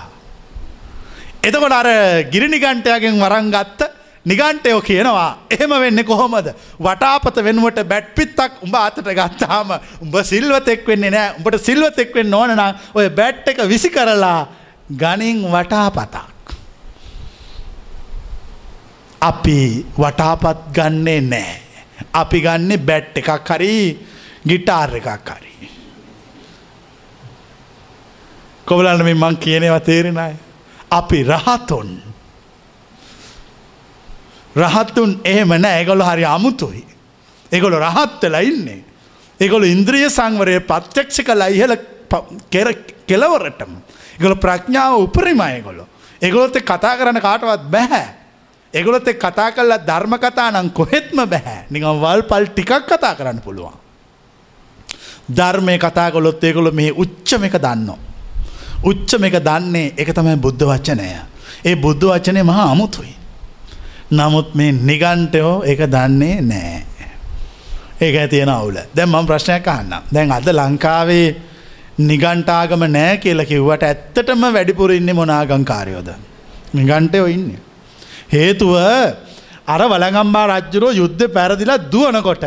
අනුරාධපුරේ හිටපු ගිරිනිගන්ටයා මොකක්ද කෑගහල කිව්වේ. අන්න මහා කල්ලු සිංහලයක් පැනලත් දුවනවැකෝ බය වෙලා.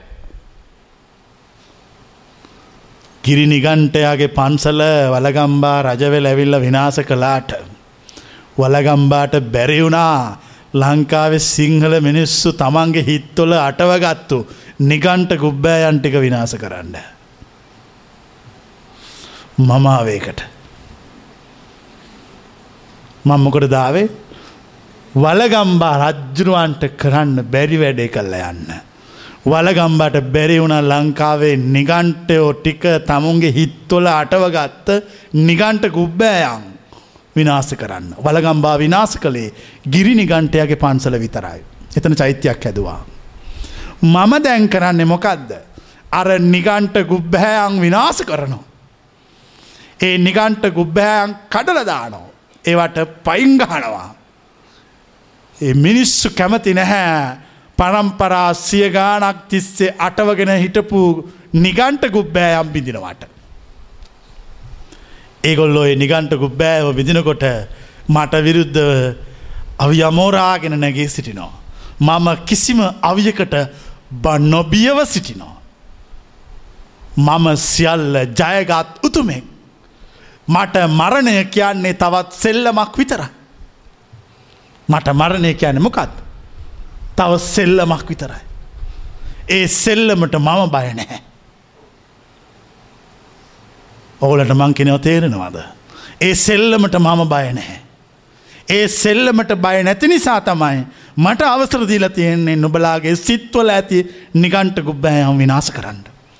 ඒ නිගන්ට ගුබ්බෑයම් විනාස කල්ලා මම අත්තිවාරන්දානවා බුදු කුටියකට නුඹලාගේ පව්කාර සිත් ඇතුළෙහි.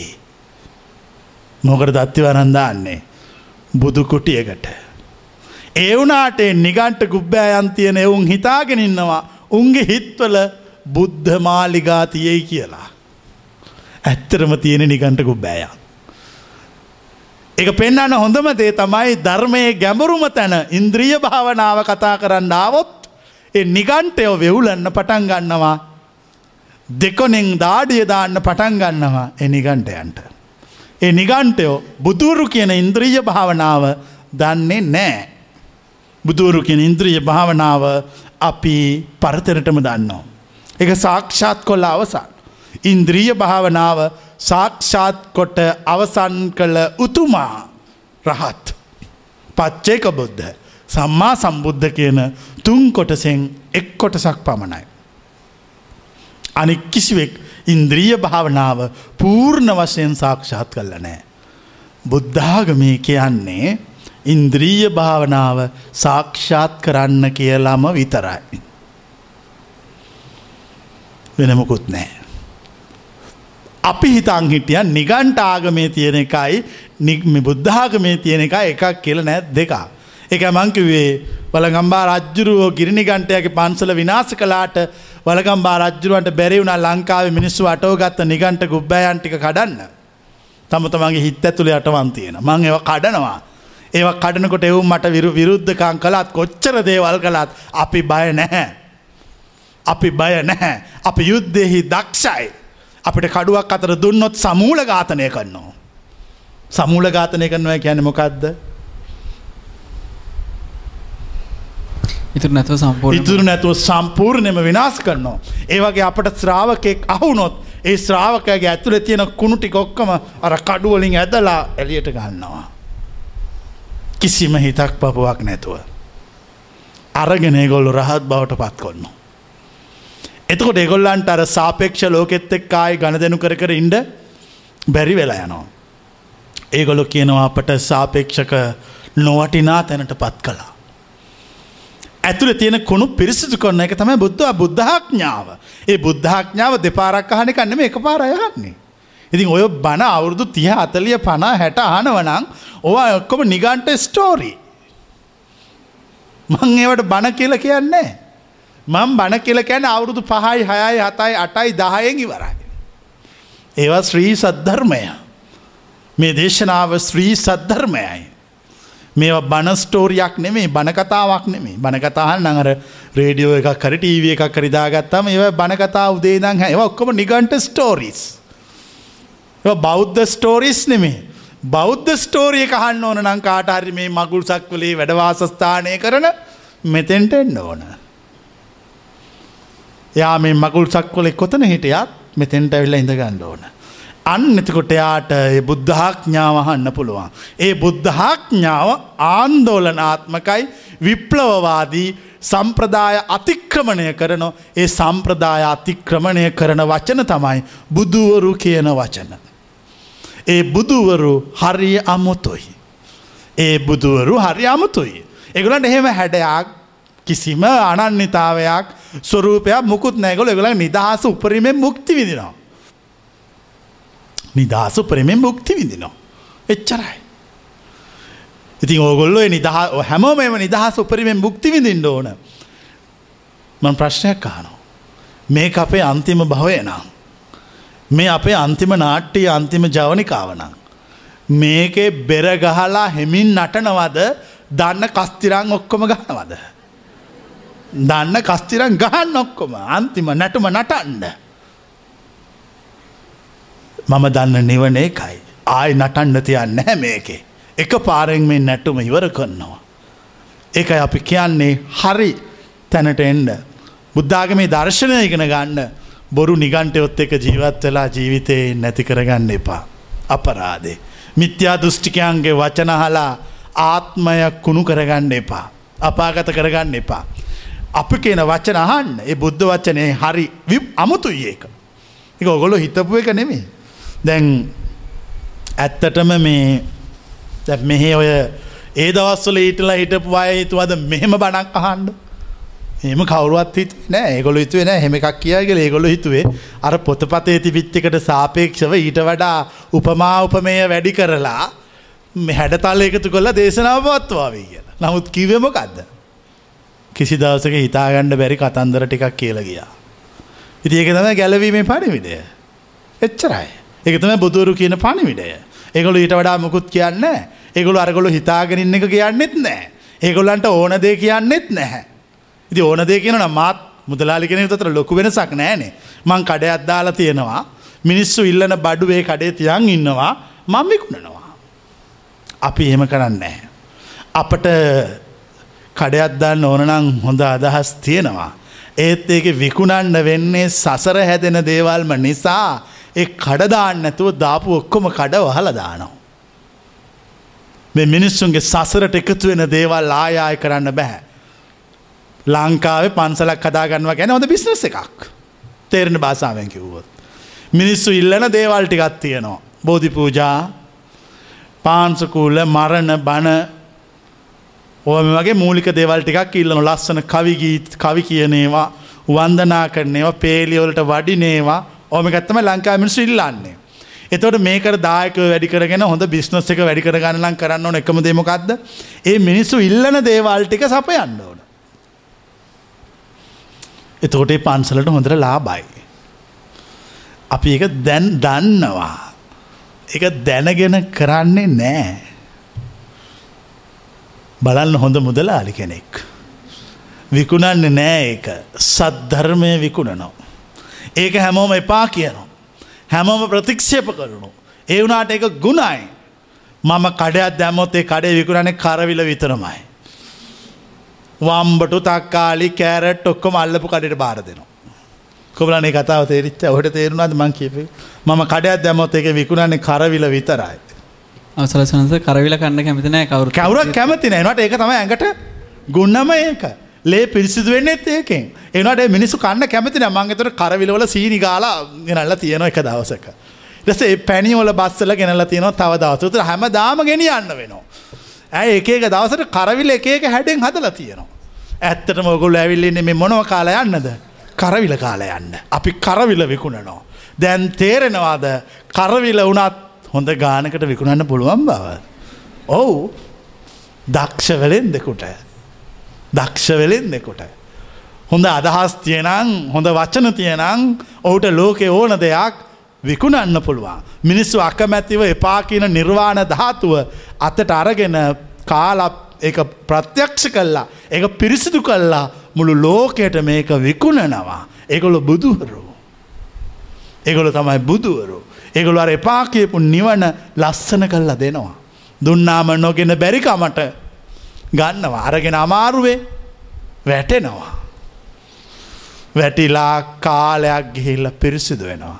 ඒක තමයි බුදුවරු කියන පණිවිඩේගොලු ඉල්ලුමට සැපයුම දෙන්නේ නැහැ.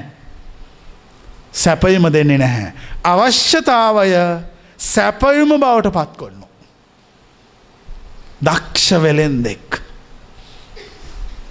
කෞද දක්ෂ වෙලෙන්ද. අර සේරිවාණජ ජාතකයේ බෝසත් වෙලෙන්ද. දක්ෂ වෙලෙන් දෙෙක්. අවශ්‍යතාවය අපි දන්න අවශ්‍යතාවය. මේ සසර දුක නිවාගන්න ඇවිල්ල තිනක තම අවශ්‍යතාවය. ඒ අවශ්‍යතාවය තමයි දෙන්නේ. ඒගොල්ලන්ට ඕන දේ දෙන්නේ. ඒක තමයි නිවන.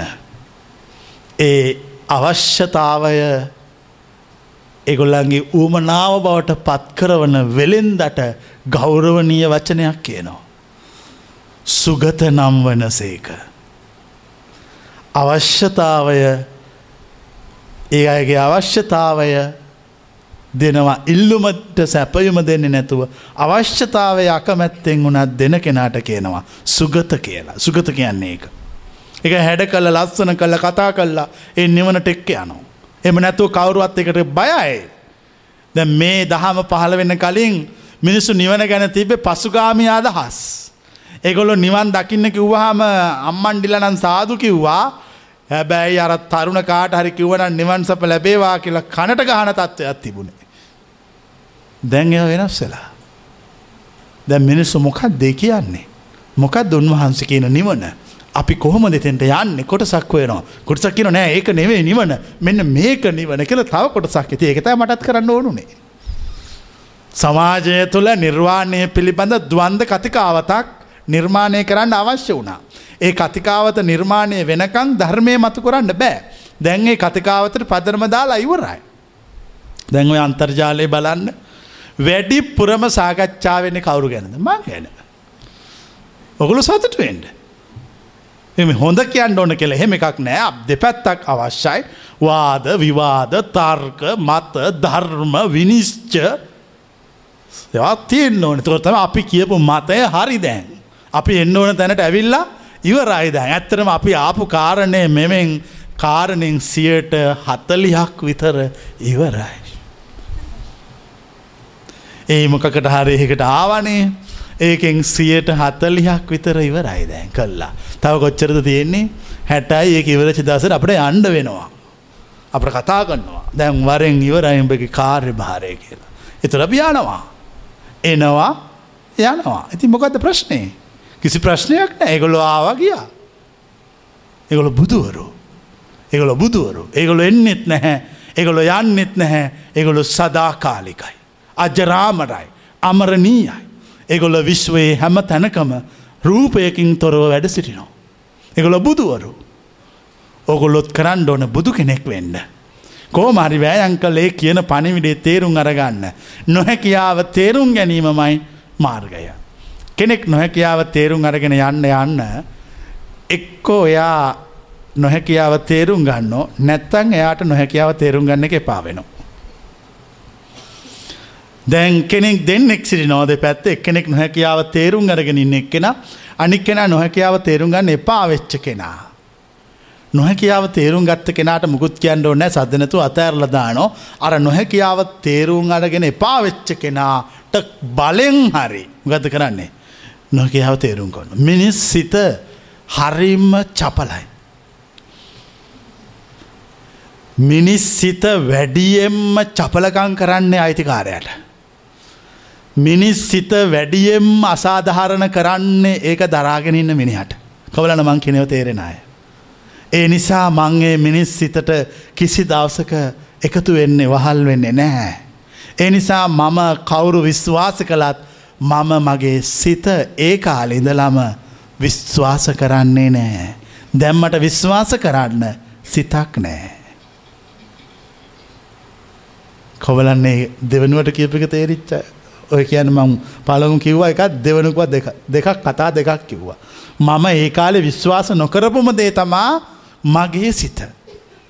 දැන් මට මේටික ඔක්කොම දැනගෙනවරුණහම විශ්වාස කරන්න සිතක් නෑ. මම රහතෙක්. ඒ රහත් බවට පත්වෙච්ච කාටවත් සිතක් නෑ. ඉවරයි. අර ලෝකෝත්තර අරහත් පලසිත විසින් මෙම වැද්දුවයින් පස්සේ. එක හරියට අර ටයිටනික් නැව්කාව ගිහිල්ලා අයිස්කන්ද වැදුනවාගේ. ඒ අයිස්කන්ද තමයි අරහත් පලසිත වැදුනොත් එක පාරයි. ඒම්ම ගිලා බසිනෝ. කොච්චර ලොකු නැවක් වුණත් මං කෙනෙක තේරුණාද දැන්. එනිසායි රහතුන්ට සිතක් නැහැ. මතක තියාගන්න ඔගොල්ලන්ට තාම සිතක් තියනවා. ඒ වගේම මතක තියාගණ්ඩ ඒ සිත කිසිම වෙලාවක විශ්වාස කරන්න එපා. ඒ සිත තමුන් යන්න හදපු පාර තමුන්ට විකෘති කල්ලා වෙනස් කල්ලා. තමුම අමාරුවේ දාලා අසරණ කල්ලා දුකට පත් කල්ලා. යනේ නමන් නැති කල්ල අපාගත කරවලා ඉවර වෙල්ල තමයි පෙන්නන්නේ මම දැන් උඹ මෙතෙන්ට ගෙනෑව කියලා. ඒ චපල්ල සිත. එයාට අවශ්‍ය මේකින් අයින් වෙන්න නෙවෙයි. මේක ඉන්න. එයා මේ සියල්ල මට දෙන්නේ. මට ඒක දැනෙන්න සලස් වන්නේ. ඉමෝෂන් සැඟී මැති කරවන්නේ. සිතුවිලි ජනිත කරවන්නේ. මගේ ගැලවීම සඳහා නෙමෙයි. මගේ සසර පැවැත්ම සඳහා. යම් වෙලාවක මම යාට අහුනොත් මම පැවැත්මට අහුනා වෙනවා. ඒ නිසා ඉතාම මම ඥානවන්තව ජීවත්වෙනවා කිසිම දවසක මගේ සිත විසින් ඇති කරන කිසිම බලපෑමකට මම කොටු වෙන්න. මගේ අනි පැත්තම කරනවා. සිතමට නිදාගන්න කියල කිව්වොත් ම නැගිටල සිටිනෝ. සිත කිව්වොත් නැගට ලෙන්න කළ මම ගහිලා නිදාගන්න. එතකොට මගේ සිතට මම එපා වෙනවා. එතකොට මේ සිත මාව දාලා යනව දවසක. අන්න එදාට තමයි මම මගුල් කන දවස. කියන මං කීපක තේරුම. මගේ මගුල තියෙන දවස. හිත අපට නැතිවුණහ මෙදා සිත නැතිවෙච්ච දවස තමයි මගේ මගුල තිවිච්ච දවස. එදා තමයි මම සොයපුදේ මෙතෙක් කලක් සංසාරයේ මට ලැබිච්ච දවස. ඒක ඇන එදා තමයි රහත් වෙච්ච දවස. සිතයාට නැති වුණා. පරම ශුන්්‍යතාවයට පත් වුණා. ඒක හරියට අර බාල්දියක අඩිය ගැලෙව්වා වගේ. කොච්චර වතුර පිරෙව්වත් පිරෙන්නේ. පුරවන්න පුළුවන් පිරිලා ඉවර වෙන්නේ. ඒ කියන්නේ බාල්දිය උපරින්ම සතුරට පත්වෙල ඉවරයි. අර වතුර නිසා බාල්දියට කිසිම විඩාවක් බරක් අසහනයක් කිසිම කන්න. මොකද පිරෙව්වට ඉවරයි. ඒ අන්නේ වගේ රහතෙක්. අන්නේ වගේ රහතෙක්. කොබලන දැන් රහතුන් තේරෙන අය. තේරේ නැත්තන් අත ගෙදර යනකොට බාල්දි දෙකක් කඩෙන් අරන් යන්න. ඉස්සෙල්ලම දෙකට වතුර පුරවල උත්සල බලන්න. අර ගැට්ට මෙහෙම ඉල්ලෙන් හල බලන්න බාල්දි දෙකේම. එතර ඔගලන්න තේරේ මේ බාල්දී ගැට්ට මේ යම් පීඩනයක් දරාගෙන සිටින බව. ඊට පස්සෙත් එක බාල්දයක පතුළ කඩන්න. කඩල වතුර දාන්න. එච්චර දැම්මත් අර පීඩනේ නැහැ. එතකොට තීරණය කරන්න මේක තමයි එනම් කිව්වේ. මේ දෙවැනි බාල්දිය වගේ වෙන්න කියලා. ඒ තම රහත්. ඒගලට පුනර් භවයක් නැහැ. සසර පැවත්මක් නෑගොල්ල ඒගොලන්ගේ සිතේ මායාවට අහුනේ නෑ. සිත තමයි අපට අපව විනාස කරන්නේ. සිත තමයි අපව අපාගත කරවන්නේ. සිත තමයි අපේ සසර මෙච්චරකල් ඇදගෙනාව මේ සිත ඇදගෙන යන්න මේ ගොඩ මේ පංච උපාදානස්කන්ද සිත ඇදගෙන ඇදගෙන යනෝ. ඒ අපට නවත්තන්න ඕන. ඉස්සෙල්ලාම ඔබේ සිත අවිශ්වාස කරන්න. සිත ඔබවටව අපායට ගෙනන බව පිළිගන්න. සිතේ පැවැත්මට ප්‍රතිවිරුද්ධ වෙච්ච බුද්ධ වචනය ශ්‍රවණය කරන්න. එවිට ඔබ උතුම් පරිශුද්ධ භාවයට පත්වේවී. ඒකයි අවශ්‍ය. සිරේ සමන්ත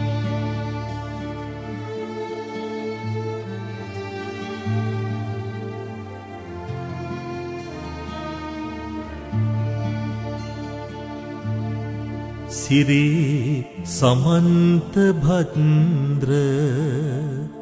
नामोपलक्षित मुनीन्दुपाद दुपाद नमामि।